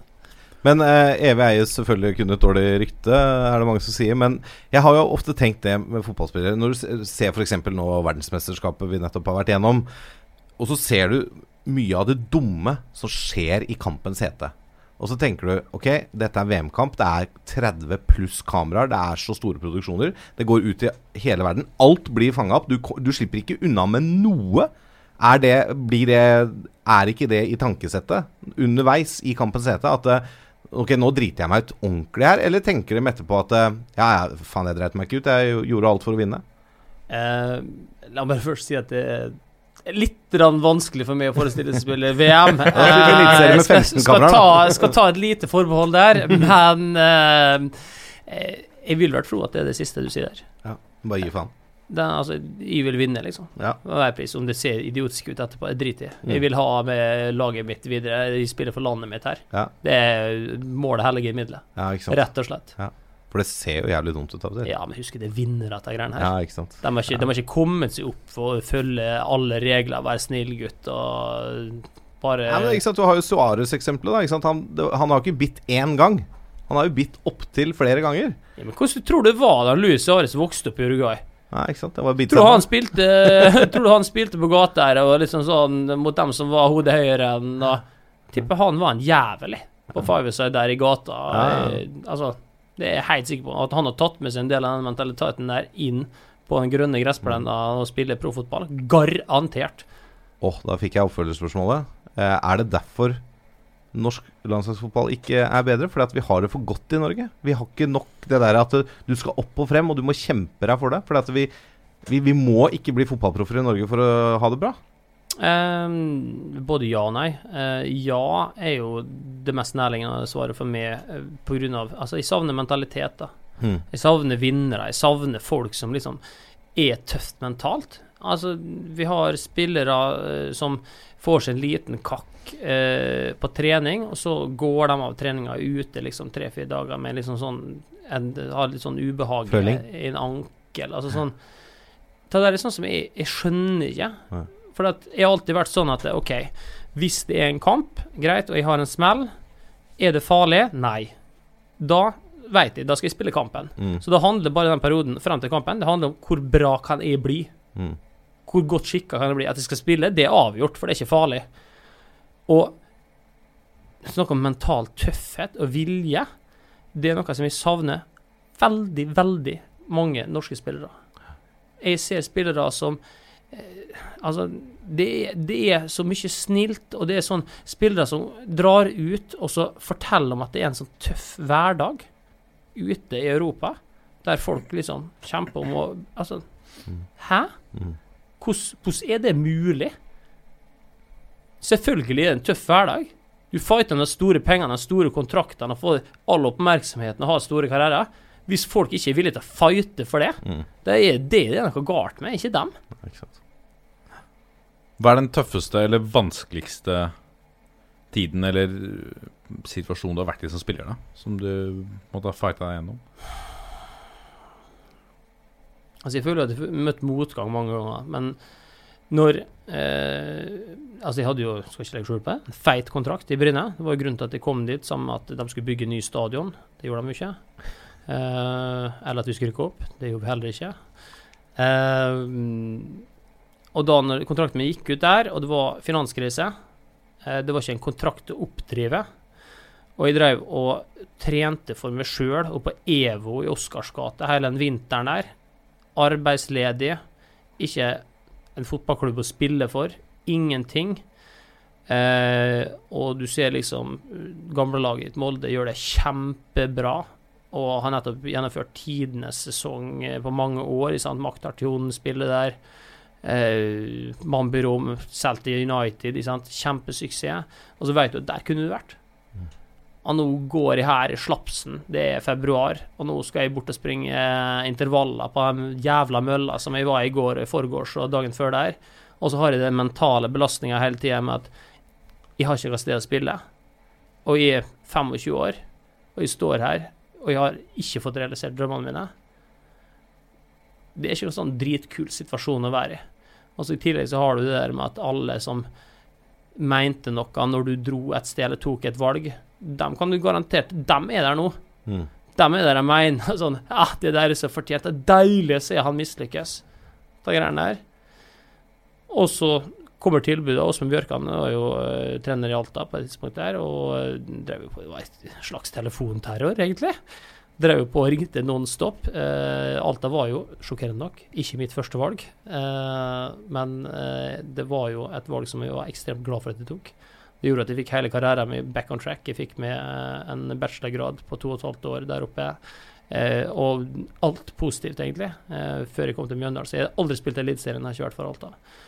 Eh, men i hvert fall, den situasjonen, den er jeg ganske sånn Jeg er fornøyd med i etterkant at de deala med det der og sto i det og fighta på, og så fikk det til til slutt. Det er tilfredsstillende. Veldig. Mm. Det merker ikke på meg. Ja, ja, ja. Ja, bra. Uh, vi har så vidt kanskje vært litt innom din mediejobb, men Geirmann på Twitter lurer på hvordan det er å blande en rolle som ekspert og fotballspiller i Ovos? Uh, jeg syns det var et dårlig ordvalg. Det er ikke blanding av roller. Det er å ha to roller. Mm. Eh, jeg er per definisjon eh, fra Discovery ikke en ekspert på Obos-ligaen. Det har de vært veldig tydelige på. Eh, jeg er en spiller og kaptein i, i Mjøndalen, i Obos-ligaen, og så er jeg en ekspert på Eliteserien. Mm. Uh, så når jeg uh, har en funksjon i media, så er det uh, først og fremst Eliteserien jeg mener noe om. Eh, og det er jo det som på mange måter er faget mitt. Eh, og jeg vil jo tro at for seerne sin del, så er jo det en veldig stor fordel. Mm. Eh, for når jeg uttaler meg om Haugesund, eller Stab om Stabæk, eller om Lillestrøm, så vet jo jeg first hand hvordan det er å spille mot så lag her. Jeg vet, kjenner det på kroppen min. Mm. Det er det ingen andre som gjør. Ingen andre som vet hvordan det er å stå ute på banen her og så kjenne det, og samtidig som sitte i studio. Så eh, jeg sy syns det er bedre å si at man har to roller, ikke at man blander roller, for det blir noe annet. Ja. Det, det, er uheldig. Dette her er noe som gir en gevinst like sjøl å tro, i hvert fall, Ja. eh, til, til dem jeg formidler til. Så Men når da dere rykker opp neste år, eller i år, da kan du ikke være ekspert i Eliteserien lenger? da blir jeg ekspert på Obos-ligaen. Ja, ikke sant? Fantastisk. Thomas eh, Edvardsen eh, lurer på hva du tenker om Erling Knutson sin overgang fra Lillestrøm til Molde, og om eh, Kanarifansen har rett til å være sinte. Kanarifansen skal være evig takknemlig for det Erling Knutson har gjort for den klubben der.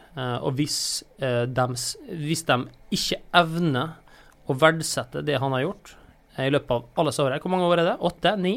Ja, noe sånt. Mm.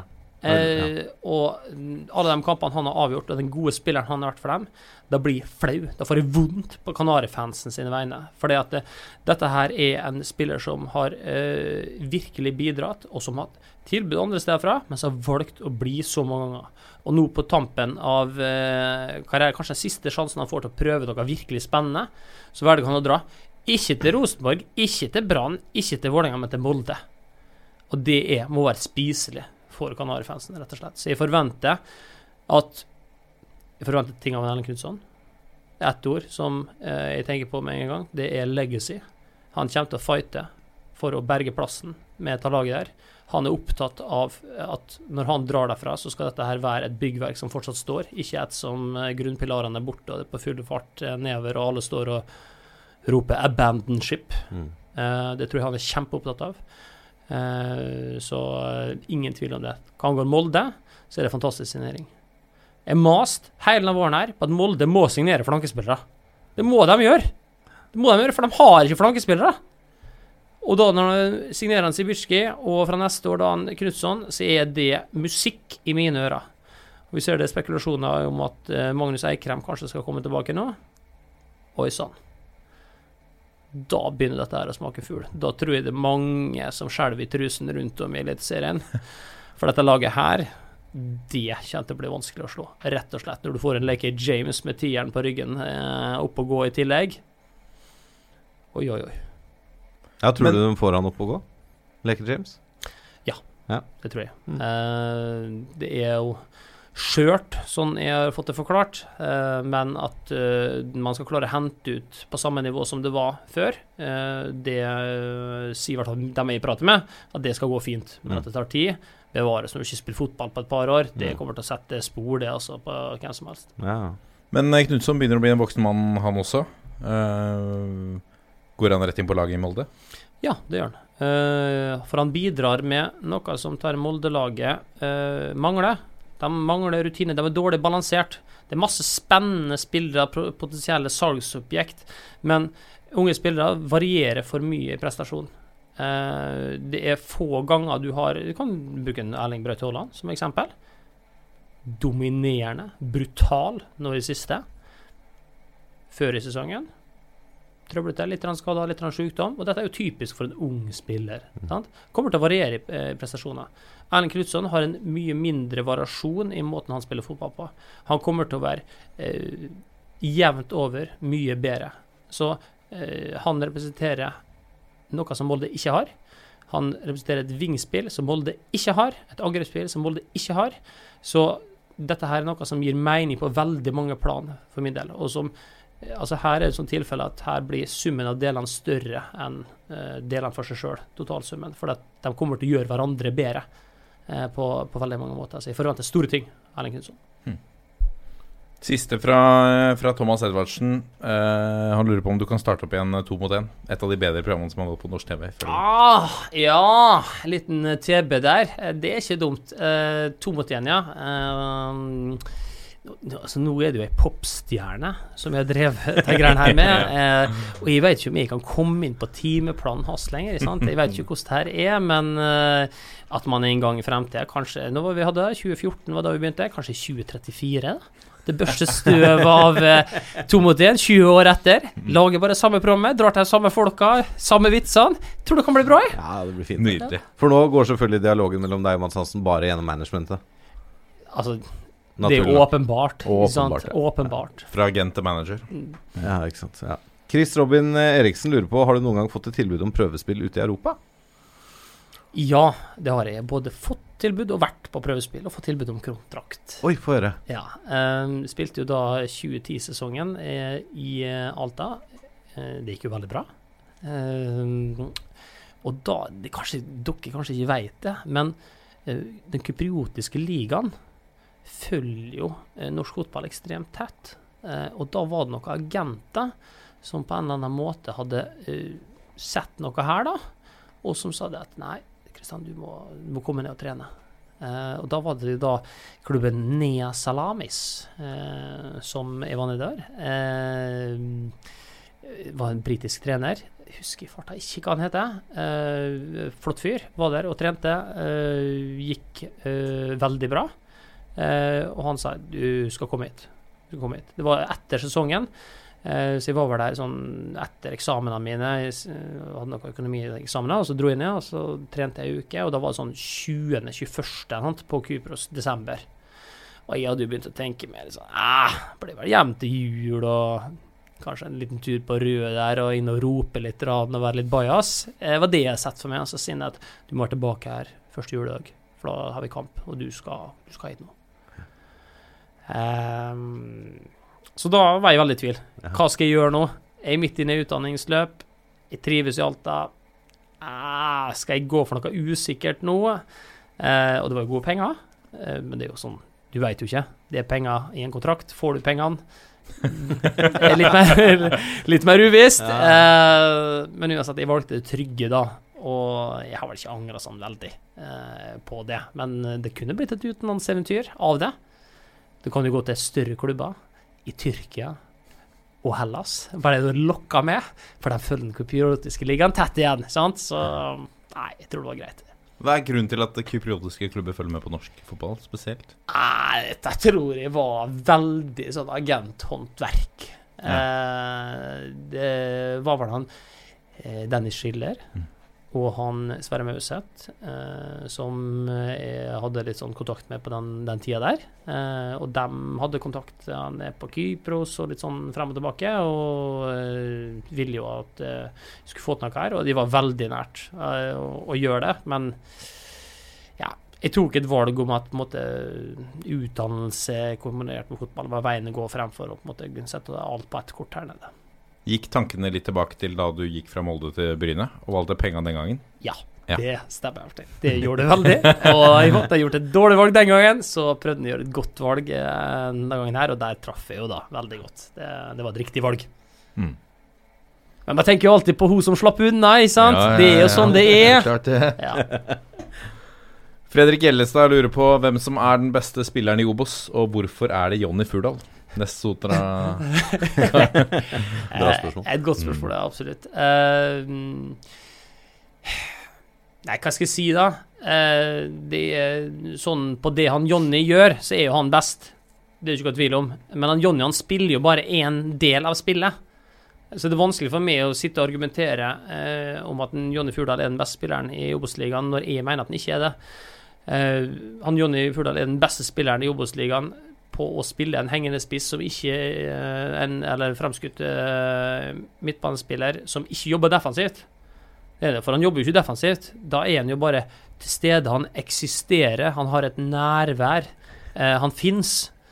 Og det står jo i sterk kontrast til det offensive bidraget hans, der han bevegelig ser løsninger som ingen andre ser. Uh, og hvis folk lurer på ja, hvorfor har ikke Jonny Furdal fått sjansen på høyere opp, det av det jeg sa først. Mm. Hadde han eh, lagt mer i det å jobbe defensivt, så hadde han selvfølgelig vært en mye mer komplett spiller, og en spiller som kunne spilt hvor som helst. Men når man ikke er villig til å gjøre den jobben, og få den ferdigheten, og legge ned det arbeidet, så kommer man heller ikke dit man kanskje ønsker. Eller kan hende at en er fornøyd, for alt jeg vet. Men det er jo ei totalpakke som gjør det her. Og så er jo Norge litt spesielt. Vi skal ha alle til å gjøre alt. Mm. Vi skal ha alle, og da slipper du ikke unna med det. Hadde han spilt, et annet land, så hadde han kanskje kommet mer unna med det. Eh, nederlandsk tradisjon du spiller med en Quint Jansen, som jeg mener er blant Obos-ligaens beste spillere. eh, Midtstopperen vår. Eh, og han sier det at det, alltid når lag han har spilt på, har tapt i Nederland, så forklares det med at vi var ikke nøye nok med ballen. Vi angrep ikke godt nok. Det er aldri noe, Man så ikke på det defensive overhodet. Og i en sånn kultur så tror jeg nok at Jonny Furdal hadde vært mye mer hjemme. Mm. Men i norsk fotballkultur så må du ha begge deler for å spille på det høyeste nivået. Du må være villig til det, og du må legge ned det arbeidet. Og det har ikke Jonny gjort. Og Derfor spiller han på Nessotra og er stor stjerne og driver og kjører karusell med det som er i Obos-ligaen. Eh, fordi at der er han på et mye høyere nivå enn alle andre. Eh, vår fastlyste Benjamin Sears lurer på Etter alle trenerskiftene, hvilke lag kommer til å rykke ned fra Eliteserien? Ja. Um, Sandefjord er for meg en åpenbar kandidat. Uh, Det er vel mer eller mindre er ferdig. sånn, jeg syns det ser så dødt ut. Uh, men jeg tror Stabæk Og det er rett og slett på den kvaliteten som, som de har. Jeg synes er, De har ei superstjerne i han Ohi, som er fantastisk. Og som de ser ut som de har tenkt å forme spillet litt mer rundt. eh, og det tror jeg er klokt, for det har ikke blitt spilt på Hasil styrker overhodet gjennom vårsesongen. Og det er helt, det er helt sånn Ja, det var nok ikke meninga, men det er i hvert fall sånn det har fremstått. Eh, Det har vært altfor mye mellomrom, det har vært lite bevegelse, ingen bakgrunnstrussel overhodet. Eh, det har vært omstendelig, det har vært treigt. I tillegg så har det vært et forsvar som har vært som ei sil. Så det har ikke fungert overhodet. Eh, nå ser det ut som de kanskje har tenkt å spille mer med eh, to spisser, med mer trøkk og bakromsløp og mer route one, og det tror jeg passer nå, eller det vet jo, passer nå mye bedre. Så hvis de klarer å få frem det, så har de en sjanse. Men spillemateriellet, Stabæk sett under ett, Forsvaret er for dårlig. Og I tillegg så syns jeg Sayoba har sett altfor shaky ut altfor ofte. Uh, og totalen av det tror jeg at de kommer til å slippe inn for, for, for mange mål, og dermed uh, tape for mange kamper av rykkene. Selv med stopperlegenden Henning Berg ved, ved roret? Mm. Det, er ikke, det, er ikke, det er ikke manglende rutine som gjør at Vadim Davidov ikke eier Eliteserien. Det er jo ikke det. Han har jo fått fotballhode som få, vinnermentalitet som få. Det er jo rett og slett den kvaliteten som det forsvaret der besitter, som er for tynn. Mm. Og det, det, er grunnen til at de slipper til så mye sjanser imot, at de får så mye altså, dødballer. Det er jo uh, målsjanse hver gang det blir corner omtrent. Det går ikke an hvis du har tenkt å overleve Eliteserien. Så mm, summen av dette her gjør at de sier, sier Stabæk. Jeg uh, syns uh, Start Jeg meldte jo med en gang Kjetil tok over at dette her kommer til å se helt annerledes ut. Det har det gjort. Poengfangsten har vært kjempebra. Og jeg tror de kommer til å ta de nødvendige poengene til å få en, nok til at de berger seg. Om det er via kvalik eller om det er direkte, det får nå tida vise. Men at de har en høyere kvalitet enn både Sandefjord og Stabæk, det er sånn jeg ser bildet akkurat nå. Så du vil ikke melde hvilket eliteserielag dere eventuelt slår i kvalik? Eh, vi har en drøm da om at vi skal kunne gå rett opp. Ja, ja. Eh, det viser at den der kvaliken, den er, den er verre, altså. Uh, men uh, altså, Ranheim i fjor, dere i 14. Ja da, for all del. Uh, nei, uff, ikke noe mer kvalik nå. Nå vil vi rette opp, altså. men, vi er gode nok til det. Viking eller Sogndal, da? Hvem møter de i kvalik? Viking eller Sogndal? jeg tror Altså jeg Skal jeg si Start, da? Jeg tror de greier seg, men jeg tror de må gjennom kvalik. Jeg tror det. Siste spørsmål fra, fra lytterne. Christian Thomas Gahr lurer på om du gir fra deg kapteinspinnen nå som Joakim Olsen Solberg er tilbake i minnet? Nei, det fighta altfor hardt for, og det betyr for mye for meg å være kaptein, så det kan bare glemme. Neste år, OK, hvis det, klubben vil ha forandring, da er greit, men dette bindet her, det er mitt, altså. Spillfyr. Ja, det er ingen tvil om. Det skal jeg ha ut året. Det skal jeg kose meg med. Skal jeg melke sosiale medier høste likes på de greiene her. Se hvor tøff og bøs jeg ser ut på dette bindet her. Kom an! Ja, ser veldig bra ut med det tyske bindet hvor det står spillfyrer. Altså. Ja, det gjør det. det gjør det, altså. Ja, nydelig. Men du sier at det var kjempehardt for å bli det. Var det, var det ikke en avstemning blant spillerne? Har du lobba veldig hardt i stallen? Nei, men altså, jeg, jeg har jo Du prøver jo å være en leder, da. I hvert fall jeg har gjort det. Uh, sånn lenge man spiller fotball, og prøver å gjøre dem rundt det uh, bedre. og så er det en balansegang, da. Hvor mye kompis skal du være, og hvor mye skal du sette krav? Eh, og jeg har jo fått tilbakemeldinger før om at jeg har vært altfor hard. Sant? At liksom Det har kommet unge spillere som liksom ikke syns det har vært noe kjekt på trening og sånt der, fordi jeg har vært for hard. Og da har jo jeg regulert det og jobba med det. Når liksom Sjøl den enkleste jævla ting klarer man ikke å gjøre. Man klarer ikke å slå ei pasning på fem meter og ta imot med innsida av foten. Og jeg irriterer meg så sinnssykt over det. Så krever det jo mye av meg da, å skulle gjøre en endring som gjør at OK, det der er Det der må du klare å gi en konstruktiv tilbakemelding på. Så jeg føler jo at det utvikler meg som, som spiller og som leder òg, da. Mm. Eh, og det er vel kanskje et tegn på at en har gjort noe riktig, at medspillerne vil ha deg som, som kaptein. Det syns jeg var Ja, veldig stas, da. Det må jeg si. Men har du på en måte blitt, uh, i mangel av et bedre ord, mer voksen etter du ble kaptein? Føler du på et litt sånn større ansvar om at du kan ikke være bajas eller klovn, eller føler du at det er kanskje enda viktigere nå at du må være litt bajas eller klovn? Uh, nei, det føler jeg ikke på overhodet. Uh, personligheten min kommer alltid til å være en blanding av altså humor og seriøsitet det kommer det alltid til å være. Eh, så hvilken rolle jeg har, om jeg har vært en leder i næringslivet eller om jeg er kaptein på et fotballag, sånn, så kommer jeg fortsatt til å være meg sjøl. Jeg, jeg, må det. Eh, så at humoren må være med, eh, det, det, tror jeg veldig på. Det gjelder uansett hva jeg gjør. Den må være med. Men at man selvfølgelig skal ha ei seriøs side som formidles òg, det er kjempeviktig. Men det må ikke bli kjedelig, da. Og så en dash av sinne. Ja, altså, men altså, et engasjement Ja, ja. Det at du må bry deg om det du driver med Hvis du ikke bryr deg om det du driver med, så må du slutte med det du driver med. Hvis du ikke driver på med noe som får hjertet til å pumpe raskere Hvis du tenker, du står opp om morgenen og tenker dæven, dette gleder jeg meg til å gjøre. Mm. Dette brenner jeg for. Altså, ta greiene der, det er drivkrafta bak. Alt det gjør. Og det kommer det til å være til en dagen det ligger seks fot under. Hvis du ikke har et engasjement, og hvis du ikke er glad i det du gjør, og det gir deg glede i hverdagen, slutt med det. For det der er det viktigste du gjør. Du kommer til å Drit i penger, drit i alt det greiene. Det må være kjekt, og du må brenne for det.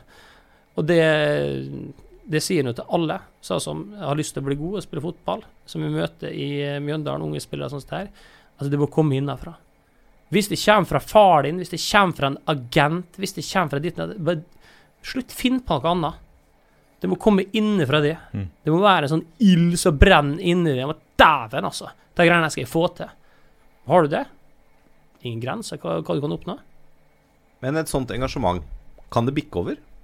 Kan det helt sikkert. Mm. Men i, i sånn Runar Nordmann bikke over-variant, eller? Eh, Hvordan han gjør det? Nei, han hadde jo en uh, situasjon da han var i Brann, hvor han gikk bort til Helge Haugen og sa Du, Helge, du må gå til Mons og si at han må bytte ut. Han ser det ikke, men jeg ser det. Du er dritdårlig.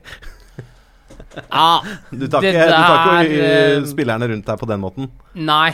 Eh, det der kan, kunne du aldri sagt. Nei, Altså, den, jeg kunne i hvert fall aldri sagt det. Nei ikke sant. Eh, for det der er Selv i kampens hete. Aldri i verden. Nei. Aldri i verden. Eh, for det der er sånn For det første er det veldig ufint. Mm. Mm. Eh, så i den situasjonen så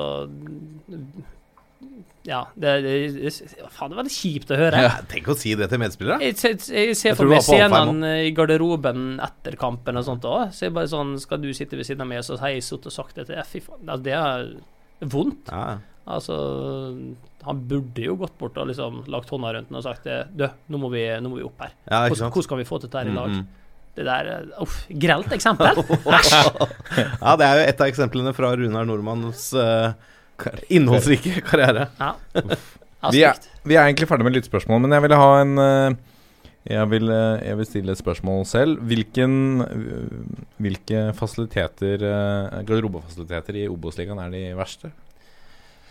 Oh, ikke et veldig vanskelig spørsmål. Det er mye som er dårlig. uh, men det Gjerne er trekke fram et topp tre. Ja, altså, det er jo eh, den, den garderoben i Åsane, eh, der du sitter inne i hallen der, eh, den er trang, den er dårlig. Eh, du har ett toalett, av en eller annen grunn. Eh, 20 mann da, skal gå på ett toalett, eh, og du kan sånn komprimert tidsrom.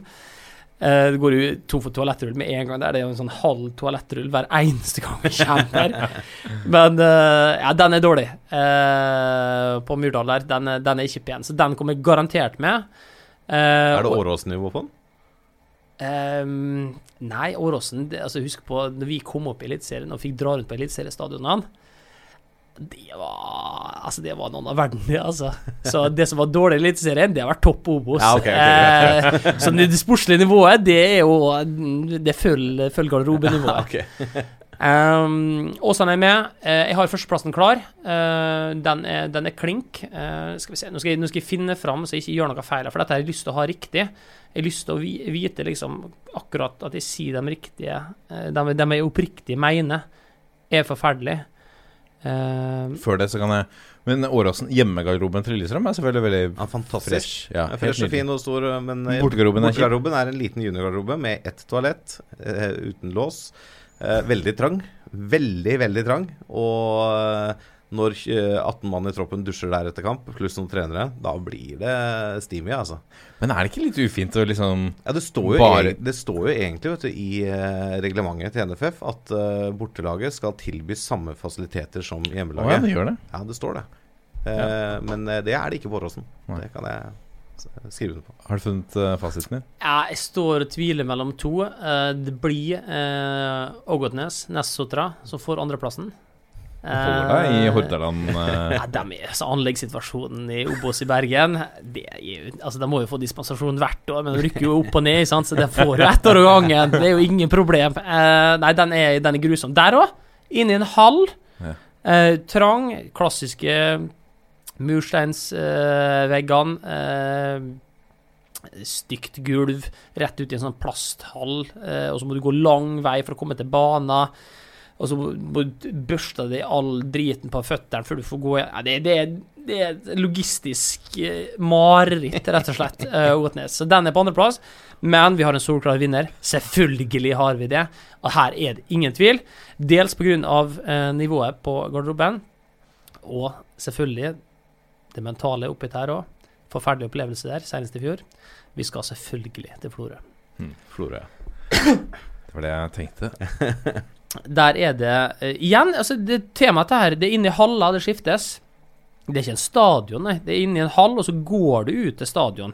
For den er jo ikke Det er jo bare tribune på ei side i Obos-ligaen, da. Eh, Det er ikke så glamorøst. Er det her Vi kom inn etter Endre Kupens voldtekt av oss som lag uh, til pause i fjor. Ligger under 4-0. Og da er det en sånn garderobe, og så er det en dusj imellom, og så er det en trenergarderobe inn der. Og da var det altså så graverende, det som har skjedd ute på matta, at en Vegard Hansen, han trengte noen minutter for seg sjøl. Han kom inn sammen med oss, og han bare, han visste ikke hva han skulle si, han var så forbanna. Så da lukka han døra, gikk gjennom dusjen, inn til trenergarderoben, på andre sida lukka døra der, og bare satt der. Um, og da hører jo vi at her, her, eh, her, er en, her er jeg så misfornøyd. Og dette hører også assistenttrener Jan Remi Dalen, som er til stede inne i vår del av garderoben. da. Ehm, han finner ut dette er, dette er mitt øyeblikk. Og holder en flammende tale på 4-0 om at dette her ikke er over. Um, vi går ut etterpå, og taper selvfølgelig andre omgangen òg. 5-0 blir det totalt! Men det skal få forsøke, da, Jan Remi. Og jeg satt og ventet på en skikkelig sånn American ending her nå. Den fikk et mageplask. Den beste, da? Den absolutt beste i Os nå? Nei, men Det er gode fasiliteter på SAS som har flotte stadioner. vet du. Eh, Viking og sånn. Viking, flott. Ålesund. uh, eh, flott. Uh, Sogndal har jo en anleggssituasjon som er utrolig bra.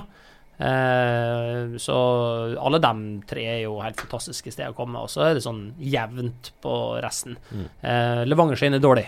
Den var nære topp tre, men ikke helt inn der. Ja, ok. Nå kommer pulsen. Og da er vi kommet til pulsen, og i dag har vi kun én. Én sak eh, på pulsen, og vi skal selvfølgelig til eh, Trondheim.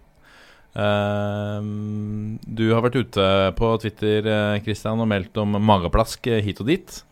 Eh, men, men siste gangen du valgte, valgte denne beskrivelsen, så var det vel for å for å beskrive den siste avgjørelsen til eh, Ivar Koting og, og denne pressekonferansen. Og kanskje en ting er, eh, litt som jeg også sa, er at eh, det er aldri, en, det er aldri enkelt å sparke noen.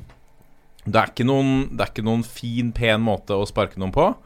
Men eh, altså, vi kan vel stille litt høyere krav til det som skal være Norges kanskje beste fotballklubb enn dette, eller?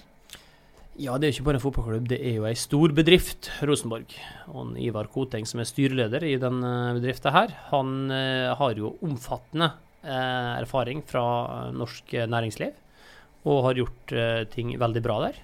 Og derfor så blir det så utrolig overraskende at man ikke løser den delen med formalia, kommunikasjon, både innad og utad, på en bedre måte.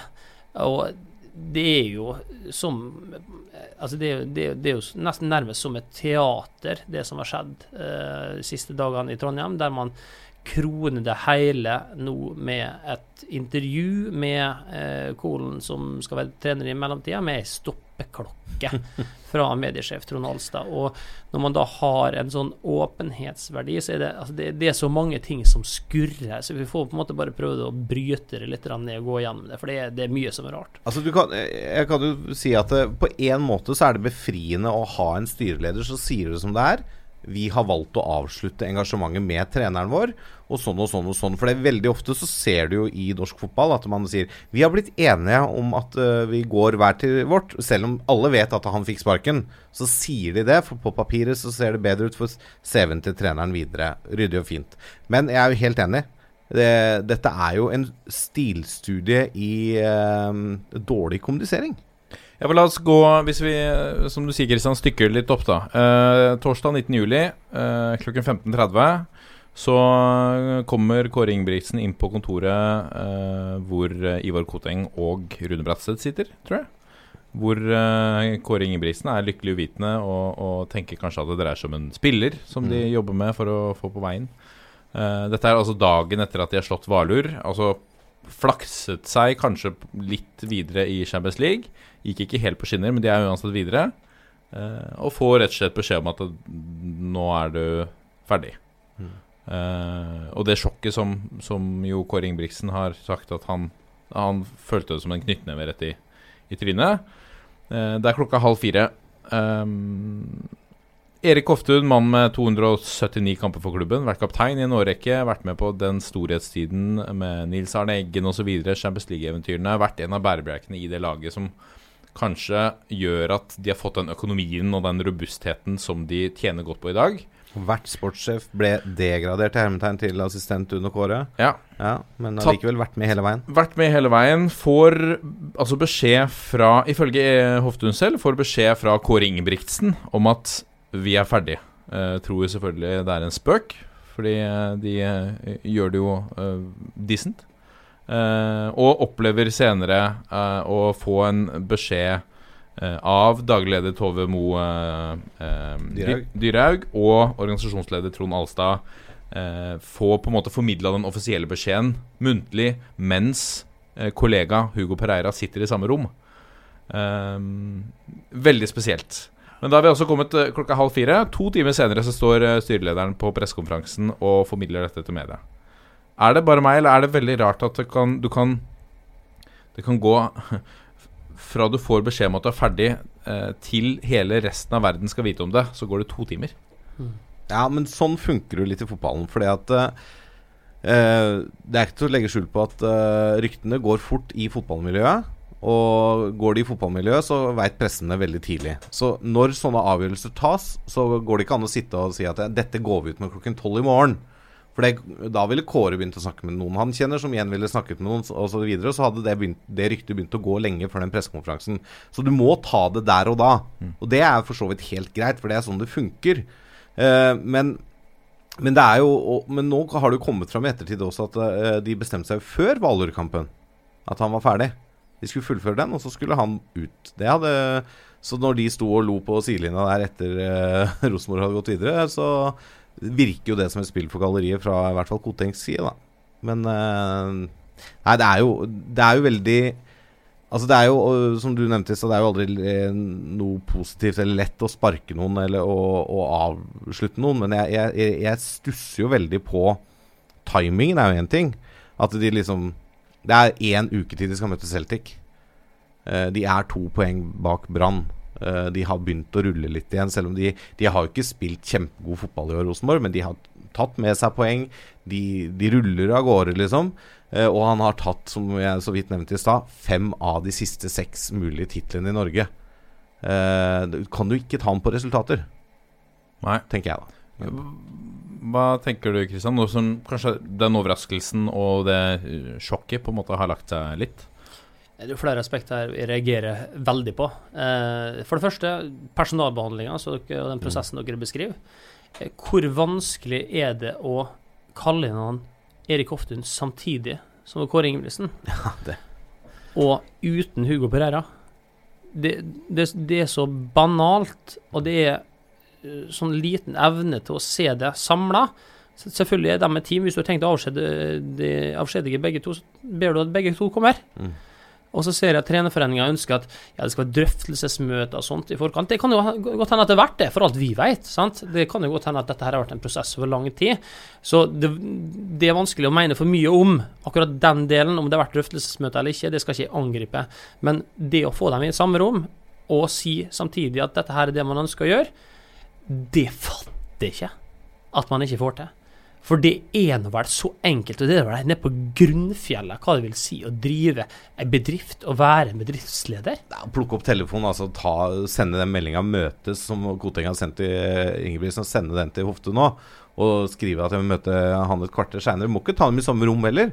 Men ta det i hvert fall nesten samtidig, da sånn at de får beskjeden face to face, og ikke via, via, via. Det er, jeg er helt enig med Kristian. Det er altså så dårlig personalbehandling at jeg har ikke sett maken. Og så er det én ting er at det, OK, greit, eh, du ønsker å avsette trenere, men det er jo ikke bare trenere, sa guttene her. Altså, De er jo folk som har gjort så mye for klubben. Erik Hoftun kanskje aller mest, men Kåre Ingebrigtsen nå, han er jo en utrolig suksessfull Rosenborg-trener.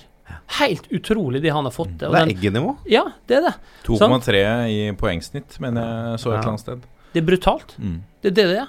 Og så allikevel, du anerkjenner ikke trenergjerningen deres, greit, og i tillegg så anerkjenner du ikke de folka de har vært for klubben.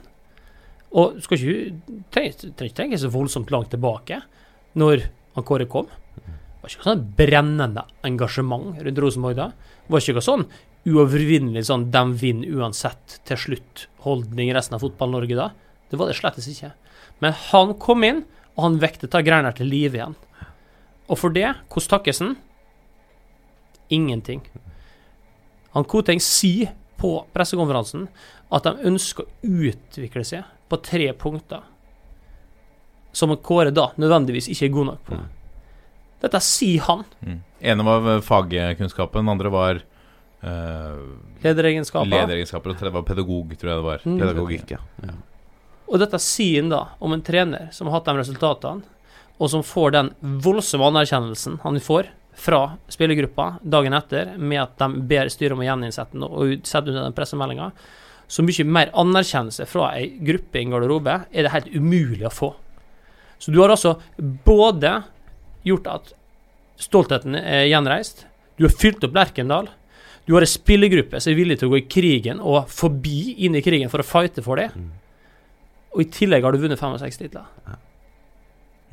Og det er ikke bra nok. Og så er det ikke en bisetning med Nei. 'takk for innsatsen'. Det er bare at Vi vi skal bli bedre Ja. på tre punkter. Ikke, det er ikke takk engang altså, til Erik Hoftun og Kåre Ingebrigtsen for innsatsen de har lagt ned de siste åra for å gjenreise Rosenborg som lokomotivet i norsk fotball. Det var ikke en bi, innskutt bisetning engang. Det er så sjokkerende. Det er så dårlig. Det er sånn, det, og det hadde ikke kosta ei krone! Nei. Det hadde ikke kosta ei krone å gått ut og sagt det at Du, disse karene her, de har levert langt forbi. Og vi kan godt hende at vi ser ut som vi er utakknemlige, vi. Mm. Når vi sitter her nå og sier at de ikke får jobbe her lenger. For at de har vært fantastiske for oss. De har gjort alt det her og ramsa opp og liksom anerkjent det. Og vi, men vi gjør det vi tror er best for klubben Ja, nå. ja. Da kunne du kommet unna med ja, Det er jo helt uh, Men du som spiller, da. Altså Nå er det jo nødvendigvis ikke en spillergruppe som skal sparke eller ansette trenere. En spillergruppe skal jo gjerne forholde seg til den treneren de har.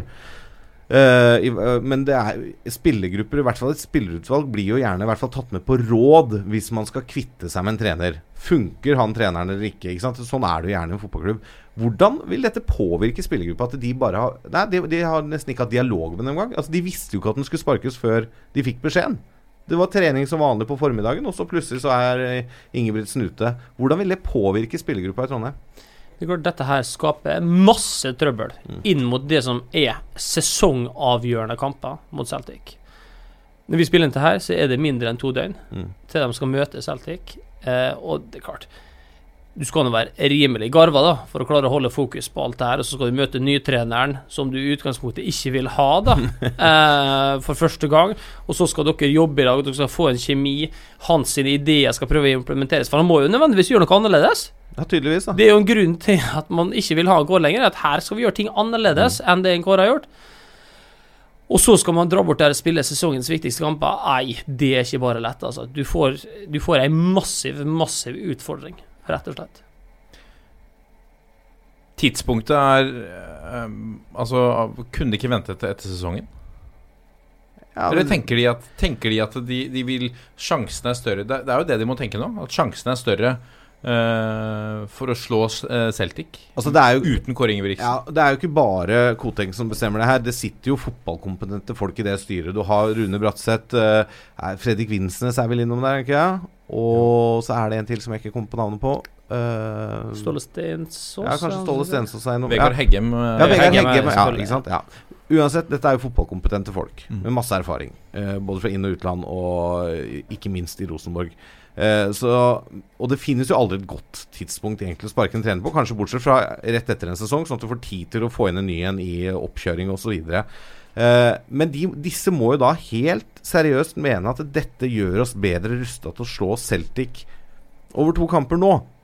Eh, selv om vi ikke involverer spillergruppa. De har sikkert ikke sett for seg at spillergruppa reagerer som de gjør med egen pressemelding, men allikevel, de, de må ha gjort vurderingen. Hvis ikke, så er det jo slett håndarbeid. Men hvor skjer, skjer det her, da? Ser du for deg at dette her er en idé som kommer fra Fredrik Vinsnes sitt hode? Dette her vi driver på med, er ikke bra nok. Vi må gjøre en forandring. Den forandringa er at Kåre skal ut.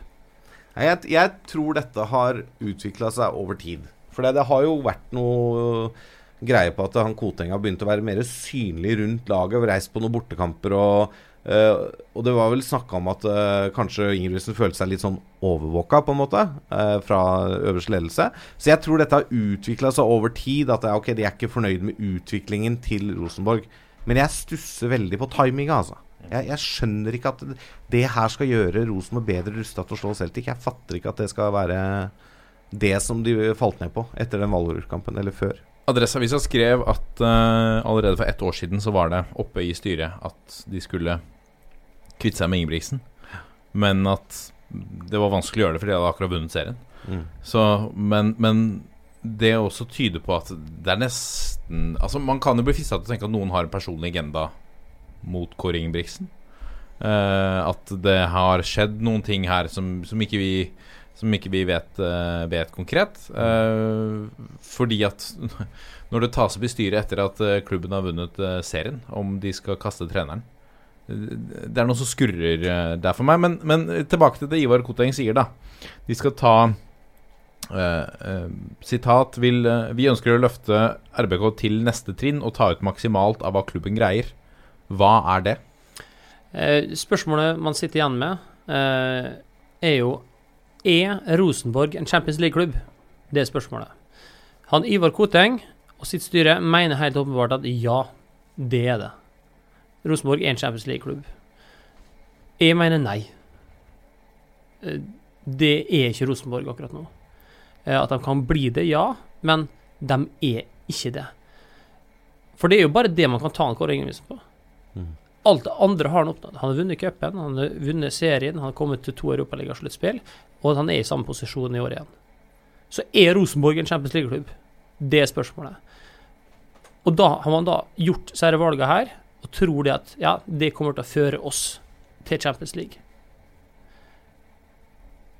Og det er det er ganske langt unna der Rosenborg er. Hvis du ser den europaligagruppa i fjor, og den måten de fremsto på der Dette er jo gode klubber, selvfølgelig. Det var en tøff gruppe, det skal vi være enige om.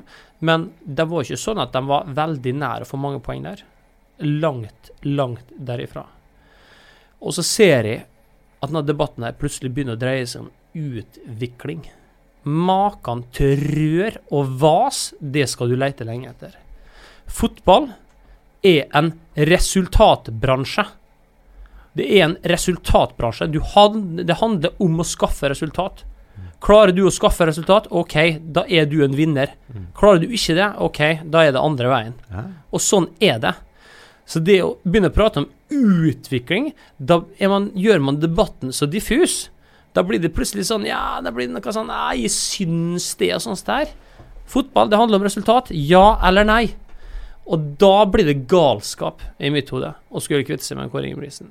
Og så er det som du sier, Martin, det kan godt hende at det er ting her som har, går på liksom hei, sånne random ting som er vanskelig for oss å vite noe om, men ut ifra det bildet vi kan tolke, så ser det så snålt ut som det er mulig. Mm. Og det er altså jeg syns også at det, når du ser på hvordan Rosenborg har fremstått i år, da hvis du tar det, for det er det mest nylige, så har jo ikke det nødvendigvis vært blendende i alle kamper. Det har vært noen unntak, selvfølgelig. Men så må du også se litt bak resultatene. Eh, og det er jo at de har hatt enorme skadeproblemer. Altså, eh, Samuel Adegbenro har ikke spilt et minutt Eh, hvor mye bedre hadde ikke Rosenborg sett ut med han på banen? Jan Erik Delanley er jo Han går jo rundt og er kjeks. ikke sant? Han er jo skada hele tida. Ut og inn av laget. De har hatt masse skader på midtbaneposisjonen. Er Konradsen ute en periode. Lundemo og Tronsen har vært ute tidvis. ikke sant? De har ikke fått satt stammen i laget. De har hatt mye skadeproblemer. Og det selvfølgelig påvirker også resultatene ut ifra de forutsetningene de har. Men allikevel da, så er de i den posisjonen de er. To poeng bak Brann, fortsatt med i Europa. Eh, og har tre seriegull på rad i sekken. Eh, to av de siste tre cupgullene. Eh, og det er akkurat som Kristian sier, det er resultatorientert bransje. De har levert resultater, og gjør det fortsatt. Og for meg da så blir dette et veldig rart eh, valg. Så er det som du sier da, Kristian, så spørs det jo hvor man hvilke resultater man, man, uh, man, forventer. da For Man forventer kanskje altså Jeg vil tippe i Rosenborg-styret så forventes at man vinner seriegull hvert år. Det forventes at man kommer langt i cupen hvert år. Og det forventes at man eh, er, altså på et eller annet tidspunkt kvalifiserer seg for Champions League. Vi har jo vi, altså, vi kan jo se i, i Rosenborgs historie hva gjelder trenere. Uh, Ola Byrise fikk jo sparken etter å ha tatt et double. Mm. Uh, jeg husker ikke hvor langt han kom i Champions League, men uh, jeg mener at de ble kvalifisert, iallfall. Mm. Uh, Knut, Knut Tørum fikk jo sparken etter å ha slått Valencia, mener jeg husker. Ja, I Champions League. Altså, de, de, har jo heller ikke noe Det, det, det var noe som også uh, tikka litt inn i hodet mitt. De har jo ikke noe god historie hva gjelder det å flytte opp en assistent til å bli en hovedtrener. Det virker som at en assistenttrener i Rosenborg for alltid er en assistent. Eh, med Tørum, med Ola By Riise, eh, med Per Joar Hansen. Eh, som alle liksom har fått en litt sånn trist sorti, på samme måte som med Kåre Ingebrigtsen. Som på en måte har kommet inn som en Han ble henta inn Altså inn til Bodø-Glimt da han solgte biler i, i, i på Østlandet? Det er klart, altså Litt av utfordringen i Rosenborg er selvfølgelig sikkert også at de har jo da vunnet uh, i snitt hvert fjerde seriegull som har blitt delt ut de siste 100 årene. De har 25 seriegull. Mm. Uh, nå har jo da sikkert 20 av de kommet de siste 35 åra. Uh, så alt måles opp mot Eggen-epoken. Mm. Alt som gjøres i Rosenborg, måles opp mot de årene på 90, altså fra slutten av 80 ut i 90-tallet og starten av 2000-tallet. Alt måles opp mot den perioden. Uansett hvordan du snur og vender på. De har spilt i Champions League ganske ofte. De vant seriegull på de 13 seriegull på rad, eller hva det var. Eh, selvfølgelig. Og det er jo Altså, hvis du legger lista der, da, da skal du jobbe litt med å finne riktig mann, tror jeg. Da Du må på en måte justere den lista etter dagens forutsetninger, både i internasjonal og nasjonal fotball. Eh, men det virker jo da ikke som at eh, nåværende styre og stell der oppe helt klarer å innfinne seg med, eller da hvis du ser de siste ti åra heller, for den saks skyld. Hvordan ser du på det teamet som har kommet inn nå, da, Christian, med, med Kolen og uh, Trond Henriksen? Altså, det, er, det, er, vanskelig å si for mye om. Uh, fordi at én uh, ting er at man ikke har fått sett dem i kamp. Man har ikke fått sett hva de ønsker å gjøre, hvordan de ønsker å forandre det her til det bedre. og hvilke tanker man har rundt det. så den syns jeg er litt sånn tricky. Eh, men jeg har lyst til å gå litt tilbake sånn til hva man sammenligner seg med. Mm. Og jeg tror at de sammenligner seg Jeg tror Rosenborg-styret de ser på laget sitt, og så sammenligner de det med Malmö i Sverige og FCK i København. Mm, mm. Jeg tror de ser de klubbene der, og så ser de at OK, de har, gjort det, de har vært i Champions League nå nylig. Hvorfor skal ikke vi? Men man har jo ikke de spillerne overhodet som Malmö har, som FCK altså, Husker Magnus Eikrem nå? Han er beste fotballspilleren omtrent som har vært i Molde. Og han nå siste året Han var i kulden, ute i kulden i Malmö. De har en så bredde i stallen at en så ekstremt god fotballspiller ikke trenger å spille alle kampene. Allikevel så gjør de gjør de det knallbra. Det er det nivået som Malmö har spillere på. Mm. Når du sammenligner det med at du har en Marius Lundemo som spilte nå mot uh, Valur, som uh, har vært lenge skada og sånt der, men som sikkert ofra seg for laget og, og, og, kom inn og gjorde en jobb der. Og for all del, all ære til han. han. Han, prøvde så godt han kunne å bidra og gjorde det. men det er veldig forskjellig utgangspunkt her. Malmö har ett sett med spillere som er på et sånt nivå, mens Rosenborg har eh, at folk som nettopp er tilbake fra skade og kanskje ikke i sin beste form, må spille. Helt avgjørende kamper for klubben. Det er to forskjellige planeter. og Da kan man ikke forvente det samme utfallet av disse to scenarioene her. Nei. Hvem eh, håper dere kommer inn, da? Det, altså, de har jo lagt lista nå, da.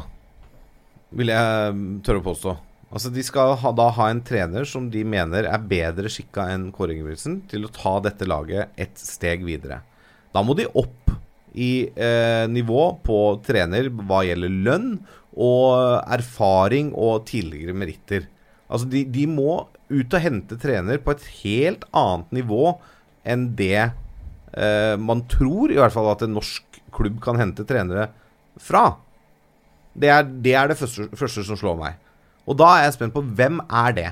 Hvilken trener ute i Europa For det Trond Solli, hvor lenge siden det han trent en klubb? Er han den mannen? Det tror jeg ikke. Åge Hareide. Skal han tilbake til Rosenborg og prøve å gjenreise uh, sin egen ære i Norge der? Det, tror jeg ikke. Så sant? mange kameler kan ikke, Nei. kan ikke svelges der oppe. Nei, ikke sant. Det er, det. det er akkurat det. Og hvor mange norske trenere har du igjen da? Jeg, jeg kommer ikke på én norsk trener jeg, som er bedre skikka enn Kåre Ingebrigtsen til å ta det Rosenborg-laget ett hakk videre. Selv om Dag Eilif Fagermo går ut og sier at uh, Rosenborg er liksom eh, det store å trene for en norsk trener. Jeg tror ikke, Dag Eilif Fagermo er jo ikke en kandidat for det Rosenborg-laget, eh, sånn som ståa er sånn som de har lagt korta på bordet nå. Da må du ut av landet. Finne en svenske, en danske, en nederlender, en tysker, en engelsk Jeg vet da søren, jeg. Men hvem er det? Hvilken no nok merittert trener er det som er villig til å ta den? Svennis er ledig, Kristian. Det er nok. Eh, jeg tror nok ikke det blir, blir aktuelt. Dessverre. Det hadde jo vært en drøm for oss som eh, prøver å selge dette produktet her, og fått en Svennis eller en Arsen Wenger eller en, en annen lignende type inn der. Det hadde jo vært eh, Altså, de hadde jo fløyet ut, vet du, så er Eurosport player-abonnementene. Det hadde jo gått tomt av det. Det hadde ikke vært eh, player-abonnement igjen.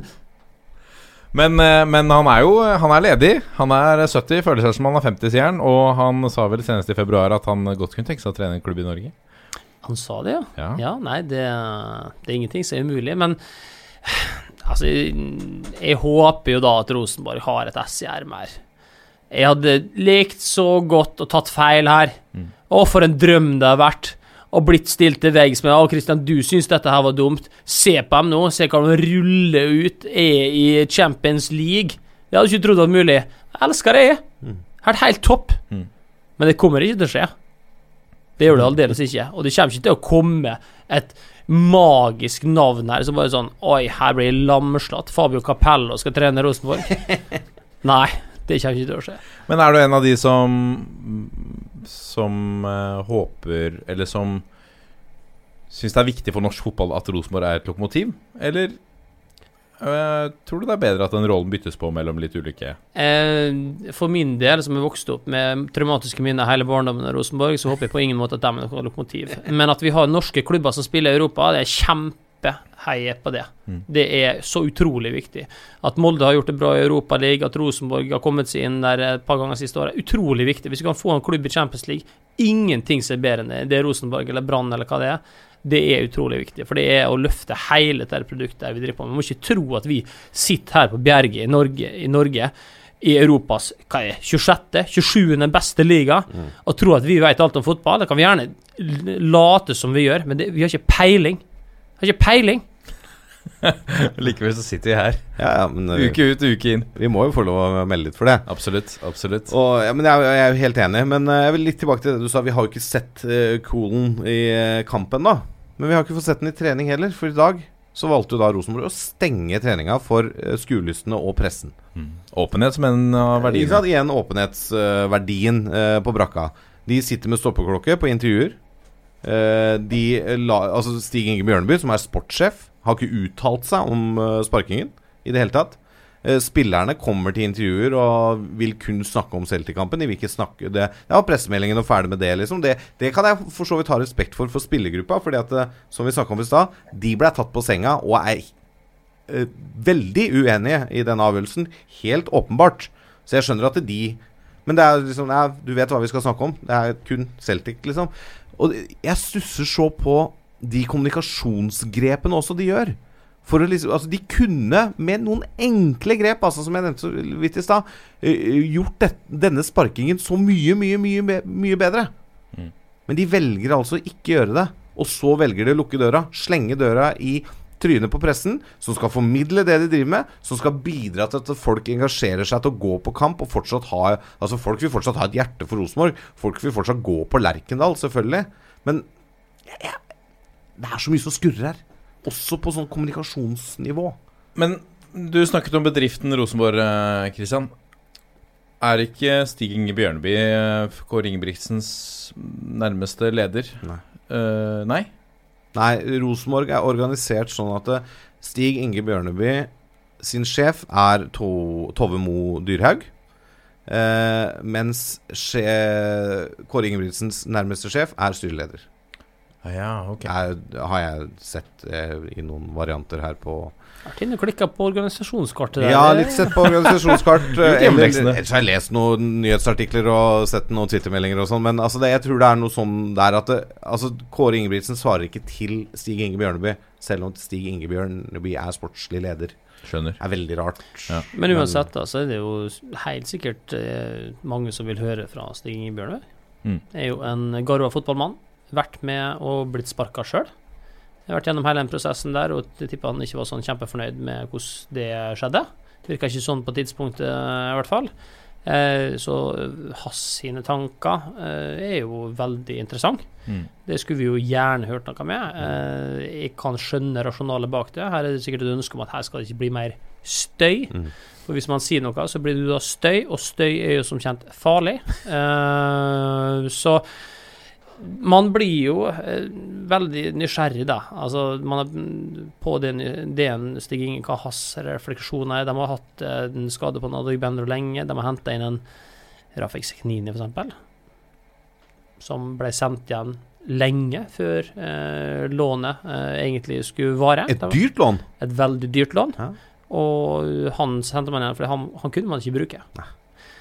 Så dette her er jo medvirkende årsaker. Man prøvde å erstatte en Adegbenro, en Delanlé, en Helland som har skranta litt. Altså, og så får man ikke høre noe fra For altså, Hadde hadde Samuel Adegbenro vært skadefri, så nekter jeg å tro at Kåre Ingebrigtsen hadde fått sparken. For så god er han. Han bikker de kampene, og da hadde Rosenborg ligget foran Brann, ikke bak. Ja, bare se hva, hva han holdt på med i fjor høst, ikke sant, i den kalde kampen mot Ajax. Mm. Hva han gjorde på egen hånd, nesten der, ikke sant. Det, han, er, han er så spesiell som spiller når han er i dytten. Men de trenger kanskje 11 av han, da. Eh, 11 da- av Nei, men ikke 11 av han, men 11 av den, eh, det kaliberet. for å spille Champions For å League, ja. spille Champions League. Ja, det må de. Og hvor langt unna er de nå? Ja, da er du ti spillere unna, da, eller? Ja, det er såpass. Er ikke, altså, du kan jo si at uh, Niklas Bentner i dytten nærmer seg Altså, Niklas Bentner høsten 2017, blir det da, Mm. er jo på det nivået. André Hansen. André Hansen er en fantastisk god keeper. Jeg syns de har et veldig godt stoppepar. Uh, altså Det er masse gode spillere i Rosenborg, det er ikke noe tvil om det. Men du mangler den der, kanskje den siste lille edgen da til å nå, som du nevnte med Malmö eller FCK, til å nå inn i Champions League uh, med jevne eller ujevne mellomrom. Det er, nå er nivået Europaliga gruppespill i beste fall, tenker jeg da. Og det er det, det er det nivået norsk fotball ligger på. Det er det nivået Rosenborg ligger på akkurat nå. Hva ville du gjort som uh, Rosenborg-trener, Christian, med ikke utømmelig lommebok, men uh, en bra slump penger? Um, det første jeg ville gjort, var å invitere Kåre Ingebrigtsen og Erik Hoftun på en kopp kaffe. Og jeg ville satt meg ned og prata godt og lenge med dem, og fått forståelsen om hva det er som har skjedd, hvor er vi på veien, hvordan fungerer denne spillergruppa her, og så ville jeg brukt det opp mot spillergruppa. Ville sagt at gutta, jeg skjønner godt denne situasjonen her er vond. Jeg ville gått inn i garderoben og sagt at jeg prata med Kåre og Erik lenge. Eh, og dette er ikke en situasjon som noen av oss ønsker å være i, men vi er. Vi er her. Og nå skal vi ut og spille sesongens viktigste kamper. Så klart, denne kampen her den kommer ikke til å spilles. Banen kommer til å spilles opp i hodene våre. Hvordan klarer vi å stille om? Hvordan klarer vi å stenge ute all denne støyen her? Og hvordan klarer vi å komme sammen som en gruppe for å oppnå den store drømmen som vi har? Og så kan dere godt gå rundt og være forbanna på styret. Kan godt synes at de er en gjeng med idioter. Men gutta, vi har en kamp, vi. Onsdag, Celtic Park. Hvis vi ikke klarer å komme sammen til det, så kommer vi til å bli spist opp. Hver for oss, og sammen. Noe sånt tror jeg vi ville begynt med. Det var magisk. Vi må la det være siste ord. Oppfordrer nye Rosenborg-treneren til å ta en liten uh, kopi av denne og så uh, kjøre den uh, i, i, garderoben, så tror jeg det ordner seg. Denne får Rosenborg gratis av, så er det det du sier? Vær så god. Hilsen også Christian Grøseth. Kristian, tusen hjertelig takk for at uh, du kom. Uh, du har kom, kommet og, og, vært med oss lenge. Det setter vi stor pris på. Ja, du sa at rekorden var 2,45. Vi er vel ikke helt oppe der oppe? Nei, vi er, vi er, vi er på to Vi er runda to timer. Oi. Ja, det blir en jobb der. Nydelig. Uh, vi er Toppfotball på Facebook, Twitter og Instagram. Gå gjerne inn og legg inn en rating, eller send oss ris eller ros på mail. toppfotball at 451.no. Eh, så er vi vel tilbake igjen i august, eh, Lasse Wangstein. Det Vi må vel prøve på det når det begynner å rulle litt igjen i den øverste divisjonen. Absolutt. Og Vi skal gjøre unna litt ferie til, får vi ikke lov til det? Jo, det syns jeg vi skal. Ja. Så må vi avslutte uh, som vi pleier å gjøre, på 1, 2, 3. Vi er en gjeng! Ha det! Han hang ikke med. Vi er en gjeng? ha det.